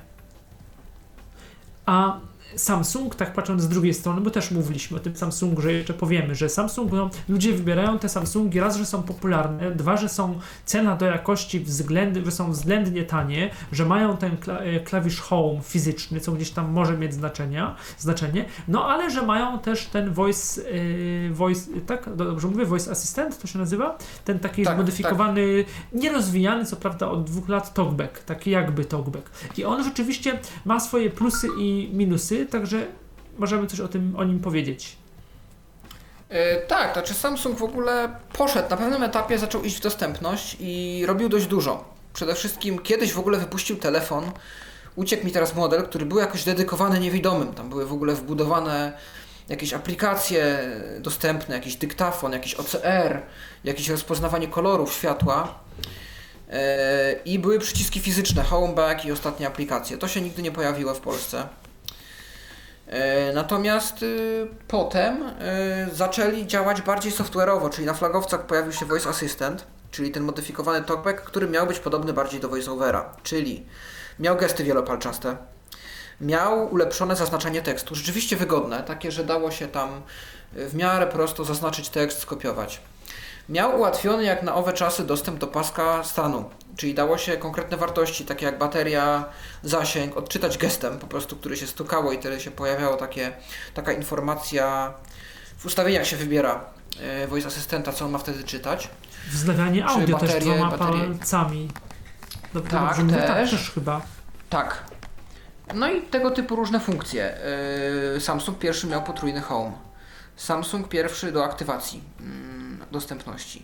Samsung miał yy, aparat z wykrywaniem twarzy. Dopiero ostatnio wprowadziła to Open Camera. No Pixel też to miał już rok temu, tylko że no kto w Polsce kupi Pixela? Co to jest Open Camera? Ale open- Aplikacja zewnętrzna, tak? To jest aplikacja nie- nieoficjalna, czy nieoficjalna, taka open source'owa aplikacja do aparatu. Ona od ostatniej wersji, która wyszła chyba w piątek, e, ma wykrywanie twarzy. E, Samsung pierwszy wprowadził właśnie wybór w klawiaturze, czy ma być wpisywanie e, przez dwukrotne stuknięcie, czy przez przytrzymanie, e, czy przez oderwanie palca. Samsung wprowadził kurtynę, jeszcze zanim zrobił to talkback. Więc swego czasu oni robili bardzo dużo, żeby to było wszystko dostępne, natomiast pewnego czasu mam wrażenie, że jest tam jakiś zastój. E, Talkback w międzyczasie zdążył zrobić duży postęp, bo ma lepsze wsparcie dla Chroma, co by nie mówić. Dla Chroma nawet. I ma przede wszystkim y, tą konfigurowalność gestów, ma stałe wsparcie, mamy kontakt z twórcami. Natomiast w Samsungu zrobiło się jakoś tak, że oprócz przeglądarki Samsunga z żadnej innej przeglądarki nie da się skorzystać. Przy niektórych aplikacjach, przy jakimś quizwaniu czy mm, Uberze nawet ponoć, nie da się pewnych przycisków kliknąć, bo jakaś nakładka do gier pojawia się, która ten dostęp gdzieś blokuje. Trzeba ją wyłączyć jakąś aplikacją za 3 zł, nieoficjalną w ogóle. Yy, W jakichś innych sytuacjach Voice Assistant yy, chyba w ogóle właśnie nie działa z tym wykrywaniem twarzy w Open Kamerze. Więc gdzieś tam nagle okazuje się, że nie taki super ten Voice Assistant, że miał parę pro, y, funkcji, które, gdzie, którymi gdzieś się wybił, ale to nie jest aż taka rewolucja. No i koniec końców ten Samsung bardziej te- w tym momencie moim zdaniem przeszkadza niż pomaga w tej dostępności, bo natworzył masę różnych rozwiązań, które kiedyś rzeczywiście porwały serca wielu, bo TalkBack czegoś nie oferował. TalkBack miał taki okres, taki rok chyba zastoju kompletnego, że nic się tam nie działo. Yy, ale teraz zaczął się znowu rozwijać i to w całkiem dobrą stronę. A Samsung gdzieś moim zdaniem stanął w miejscu. Czyli co, gdyby ktoś chciał kupić Samsunga, ma okazję, no to warto, czy, czy jednak lepiej wybrać inny telefon? No chyba, że ktoś bardzo na Ja tym bym home- radził, znaczy no ja bym opiera, radził coś innego. Jednak ja coś bym, innego. Teraz już Galaxy S8 też nie ma Home'a. No tak, ale S7 są tanie i całkiem dobre i tam te Tak. A5 czy jakieś tam inne. Da się z tego korzystać i trzeba o tych rzeczach wiedzieć, że tam ta deaktywacja może być konieczna tego, tych pakietów I wtedy gier. z talkbackiem można Że- też działać bez większych Tak, problemów, tak tak, i zasadniczo. talkbacka można doinstalować i można z niego korzystać, więc jakby tu problemu nie ma. E, Jak najbardziej da się i zdaje się, że te A, zwłaszcza modele A3, A5 są dość popularne i ludzie są z nich raczej zadowoleni, więc to też nie jest tak, że żeby demonizować tego Samsunga, ale mm, no zwłaszcza pod kątem, pod adresem S7 ja słyszałem wiele, wiele negatywnych uwag od osób niewidomych. A tak jeszcze, jeżeli chodzi o nagrywanie, to co ludzie mówią, w sensie jakie mikrofony najlepsze, tak, yy, yy, tak co, co- co, pod tym kątem, co byśmy polecali, czy jaką firmę, wiem, że to pewnie zależy od modelu, ale tak to przynajmniej to, co Kiedyś tam był zachwyt Samsungiem. W S6, S7 e, te mikrofony były wybitnie jakieś takie czułe, e, dobrze rejestrowały, takie miały dobrej jakości były te kapsuły. E, Natomiast problem polega na tym, że mm, o ile jeszcze w jakichś tam rejestratorach nastawimy sobie taki tryb, bo domyślnym trybie jest mono, żeby było stereo, to na przykład w TeamTalku, które, z którego wielu z nas korzysta, nie da się wywołać specjalnie stereo w Samsungu. E, Faktem jest też, że TeamTalk ze swojej strony mógłby zaoferować wybór trybów, ale jako, że go nie oferuje, to jest problem, bo... No włączysz tak, ale no. TeamTalk, no może jestem troszeczkę niesprawiedliwy, no ale jednak poza, poza no wiem, że mówimy tutaj o osobach niewidomych, no ale też no nie wszyscy korzystają z TeamTalka i jeszcze z TeamTalka przez telefon, no to też tak trzeba sobie, y, ale oczywiście dobrze, że o tym wspomnie, też wspomniałeś, bo to dla, nie, dla kogoś może to być istotne. Znaczy to jest, dzisiaj to jest TeamTalk, jutro to jest jakaś inna aplikacja, która mogłaby, a nie może, po prostu chodzi o to, że domyślnie, jeżeli ktoś się specjalnie nie postara i nie wprowadzi jakichś tam specjalnych trybów, to te mikrofony nie wykorzystują swojego pełnego potencjału. I szkoda. Mhm. Natomiast z takich dobrych y, telefonów, y, nie chwaląc się, ja jestem bardzo zadowolony z Huawei'a. Bardzo przyjemnie mi się słucha nagrań, które sobie robię tym telefonem. Mm, Teraz Xiaomi też ma taką fajnie wybitą górę, bo na Whatsappie nawet to słychać, że ona jest y, jakaś taka znaczniejsza. Nie wiem, jak brzmią nagrania takie stereofoniczne robione z tego telefonu, ale, ale też y, liczę na to, że jest dobrze. Motorola całkiem dobrze nagrywa, też w stereo, aczkolwiek coś tam Tomecki mówił, że mogło być więcej góry czy czegoś, czy że...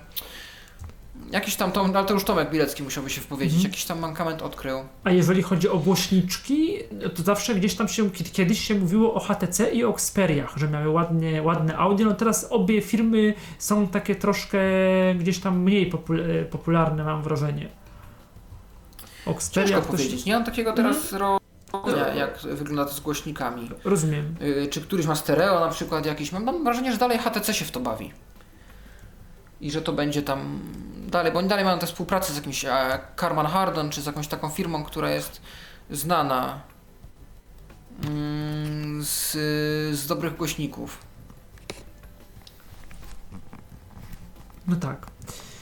A mm, co, bo to też tak, to gdzieś tak pośrednio padło, ale bardziej mówiliśmy o tej wersji beta, najbliższe zapowiadane nowe funkcje, plany, jeżeli chodzi o dostępność Android, y, o to, co się ma dla niewidomych użytkowników y, korzystających z Androida zmienić?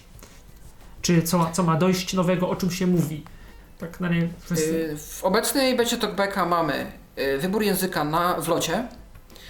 Y, Mamy pokrętło takie we wstępnej fazie, które działa tylko na Androidzie Oreo za pomocą gestów y, na czytniku linii papilarnych. Y, Mamy y, nawigację po nagłówkach, linkach i przyciskach także w aplikacjach, nie tylko w stronach internetowych. Y, Mamy odczytywanie właśnie to, o czym mówił chyba Grzegorz, y, etykiet przycisków, które są gdzieś tam bardziej głęboko ukryte w kodzie programu. Y, I to jest to, co mamy na razie. Natomiast ma, znaczy to nie jest jakoś tam powiedziane, myśli się nad wprowadzeniem pełnego, pełnej kontroli nad echem wpisywanego tekstu, znaki słowa, znaki i słowa. Y, Były też y, jakoś rozważane opcje zaznaczenia tekstu na ekranie, nie tekstu mm, w polu edycji. Swoją drogą dodano w talkbacku teraz gest, który otwiera to menu edycji, że jednym gestem się otwiera od razu opcję tam, gdzie jest zaznacz, kopiuj i wklej. Ale żeby dało się w ten sam sposób zaznaczać tekst, który jest na ekranie. Yy, czyli to, co jest napisane gdzieś tam w postach, tak dalej, żeby dało się zaznaczać i kopiować. Yy, ma być też rozważany jakiś słownik, ma być rozważana opcja przekierowywania audio yy, jakimś innym kanałem, żeby na przykład dało się rozdzielić yy, dźwięk talkbacka na słuchawki, a muzyka na głośniki, powiedzmy. Też ma być rozważana opcja, jak tu uprościć dyktowanie, żeby na przykład TalkBack oznajmiał gdzieś na bieżąco, jaki tekst jest wpisywany, tak jak robi to gdzieś iPhone czasami. No i, i, i dalej się myśli o tym, jak go usprawniać. W ogóle mm, podstawowym problemem TalkBacka jest to, żeby że on miał być narzędziem dla niewidomych i po części dla osób widzących, które wzrok tracą. Przez to na przykład nie ma gestów wielopalczastych. Może na którymś etapie TalkBack będzie przepisany od zera jako narzędzie tylko dla niewidomych, ale nie wiadomo nic o tym, czy to rzeczywiście będzie. To było gdzieś wspominane w wywiadach y, z Wiktorem Caranem, że być może, być może kiedyś taka decyzja zostanie przez Google podjęta. Ciężko prorokować. Myślę, że takim punktem zwrotnym będzie po raz kolejny konferencja CSUN w Kalifornii, y, w San Diego, gdzie Google ma zawsze swoje wystąpienie i ma swój, ma swój, swój stragan jakby, swoje stoisko i tam na pewno dowiemy się czegoś nowego na, na, na następnej wersji TalkBacka po tym jak 6.1 już się ukaże, a to będzie gdzieś na przełomie lutego i marca. Rozumiem. I to chyba na tym będzie, moglibyśmy zakończyć. Mam nadzieję, że jeszcze nie raz będziemy wracać i to zdaje się, że niedługo już y, do dostępności gdzieś tam Androida.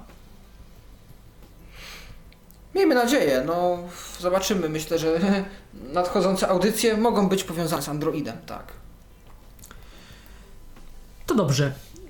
Z mojej strony to wszystko. Bardzo. Yy, czyli co? Jakby. Yy, rozumiem, że z Andro- kończąc, jakby z Androida jesteś bardzo, yy, bardzo, ta, no tak, tak, to wyszło. Jesteś zadowolony i, i kibicujesz dalej temu systemowi. I chyba, no z jednej strony tak, bo niby te telefony takie troszeczkę, ma, mo- można powiedzieć, że słuchacze, którzy do nas dzwonili, jakoś tam chwilami marudzili, ale jednak jak się obserwuje, no to jak już ktoś na tego Androida przeszedł, to, no to sporo osób z, z, y, godzi się z pewnymi może minusami, ale zostaje przy tym systemie jednak, bo widzi też, też plusy tych androidowych rozwiązań. Szczególnie mam na myśli osoby no, takie bardziej zaawansowane, chcące gdzieś grzebać albo właśnie bardziej y, wykorzystywać telefon, no chociażby do tego nagrywania. Tutaj myślę, że nie myślę, na pewno mikrofony tych urządzeń androidowych są po prostu znacznie lepsze i koniec. Chociażby no, do tego. Tak, ja myślę, że to jest tak, już to wspomniałem wcześniej, że możemy już teraz rozważać na zasadzie, który system oferuje mi więcej zalet i bez jakiejś szkody na dostępności, że to nie jest tak, że tam iOS ma powiedzmy jakieś swoje błędy, ale to sprawia, że mam jakiś tam mniejszy potencjał w produktywności. Albo że Android tam ma jakieś ubytki takie, że aż się nie da korzystać, albo coś tam się jest niemożliwe. E, Myślę, że duża część tego, dlaczego ludzie lubią Androida, to są aplikacje, bo ktoś wspomniał, że o, Android jest super, bo jest software keyboard. Ja bym powiedział, że Android jest super, bo jest na przykład Mobile MPK, podczas gdy GoToStop na iOS-a się zwija, bo jest Dodwalker, który jest cenioną aplikacją do nawigacji, bo jest y, Audex, który jest takim systemem nieoficjalnym do motywów dźwiękowych dla mm, gestów takich talkbackowych.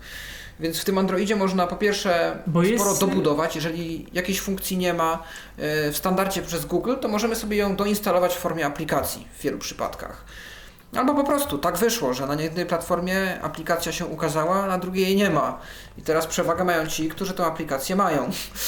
Yy, I pod tym kątem też można sobie dobierać urządzenia w tym No i momencie. też jakoś tam po kwest- jakaś przewaga sprzętowa. jakaś też kwestia ceny, no bo y, chyba zgodzimy się, że o ile no iPhony są drogie, chociaż no iPhone, te, ta- te tańsze iPhony też y, działają całkiem dobrze i iPhone SE jest i na szczęście te urządzenia iOS y, przez średnio 3-4 lata działają dobrze.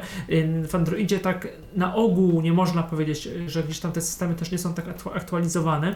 Natomiast jest tak, że Yy, chyba nie za bardzo, a może, może się mylę, poza ewentualnie sprowadzaniem yy, z Wielkiej Brytanii czy ze Stanów Zjednoczonych Google Pixela, yy, nie za bardzo jest yy, sens chyba inwestować w yy, urządzenia androidowe kosztujące 3000. Mam na myśli te flagowce typu Samsung Galaxy S8, Note 8, yy, nie wiem, tam jakiś najnowszy yy, no Huawei są trochę tańsze, co tam, co tam jeszcze jest takiego drogiego yy, LG yy, G tam 6 V, V20 albo V30 no, teraz. no on właśnie. może mieć to audio dobre, ponoć tam przetworniki i To audio też, może mieć, też, jeżeli tak. chodzi o słuchawki i mikrofony, być może to, to może być dla ludzi, czy też dla osób słabowidzących te duże ekrany mogą być y, dobre w ogóle. To to też gdzieś tam my, no z racji, gdzieś tam no nie No, aparaty, które przy OCR-ze gdzieś tam mają jakieś znaczenie czasem, czy przy jakimś Be My Eyes. Tak, no to pewnie tak. Ale właśnie no jest pytanie, na ile gdzieś tam warto inwestować yy, w, takie, w takie najdroższe urządzenia? Jak, jak, jak ty się na to zapatrujesz? Znaczy, no nie wiem, myślę, że za tą cenę, jeżeli ktoś ma taką, takimi pieniędzmi dysponuje, to mimo wszystko jednak, można by powiedzieć iPhone. No chyba, że ktoś jest Yy, przekonany, tak, no bo y, że Tak. właśnie... No tylko pytanie właśnie, czy, czy No bo nie wiem, sam- nie wiem na co bym wykorzystał 6 giga RAMu na przykład w tym momencie. No właśnie, i czy to jest, jest pytanie, czy, czy tego samego, bo ta Nokia, Nokia, z tego co słyszałem, też mają niezłe aparaty. Nie wiem na ile to jest y, fotograficzne, nie wiem na ile to jest prawda. I też pytanie, czy ktoś. Yy, no to, to też pytanie, czy ktoś. Yy, nie wiem, tylko używa zdjęcia do OCR-u, czy z kimś widzącym chce trochę zdjęć robić, czy nagrywa jakieś filmy, do czego ten telefon i w jaki sposób chce wykorzystywać. No ale być może jest tak, że za 1500 niech będzie złoty, góra 2000 kupimy sprzęt, który nam wystarczy zupełnie. W zupełności. Myślę, że zwłaszcza z takimi producentami jak Huawei czy Xiaomi to jest spokojnie osiągalne. Bo nawet ich tam flagowe sprzęty gdzieś mniej więcej tyle kosztują. Mhm. No i to, to, to gdzieś tam na pewno, na pewno jest plus. No nic, to ja dziękuję bardzo. Na, na temat Androida będziemy na pewno jeszcze nieraz rozmawiać. Ja się bardzo cieszę, że ten system coraz bardziej, y, co jest coraz lepszy po prostu, jest coraz lepszy ogólnie i jest też coraz lepszy, jeżeli chodzi o dostępność, której y, to częścią składową jest TalkBack. Specjalowo pominęliśmy, tylko gdzieś tam napomknęliśmy o tych, y, o Shine Plusie i no o Voice Assistencie trochę było, o Shine idzie w ślady niestety voice y, asystenta. Się nie rozwija Chyba za mamy bardzo. problemy z łącznością tutaj z Michałem. Tak? Y, y, Mówiłem, że mówiłem o voice asystencie, y, że, że, że o, Dalej szum jest o, o statyczny. Shine Plusie, że Shine Plus... To może O. że Shine Plus... y, Nie wiem, czy jestem na antenie? Jesteś. Jesteś na antenie, wszystko, wszystko jest y, pod kontrolą, możesz y, kontynuować, Michale.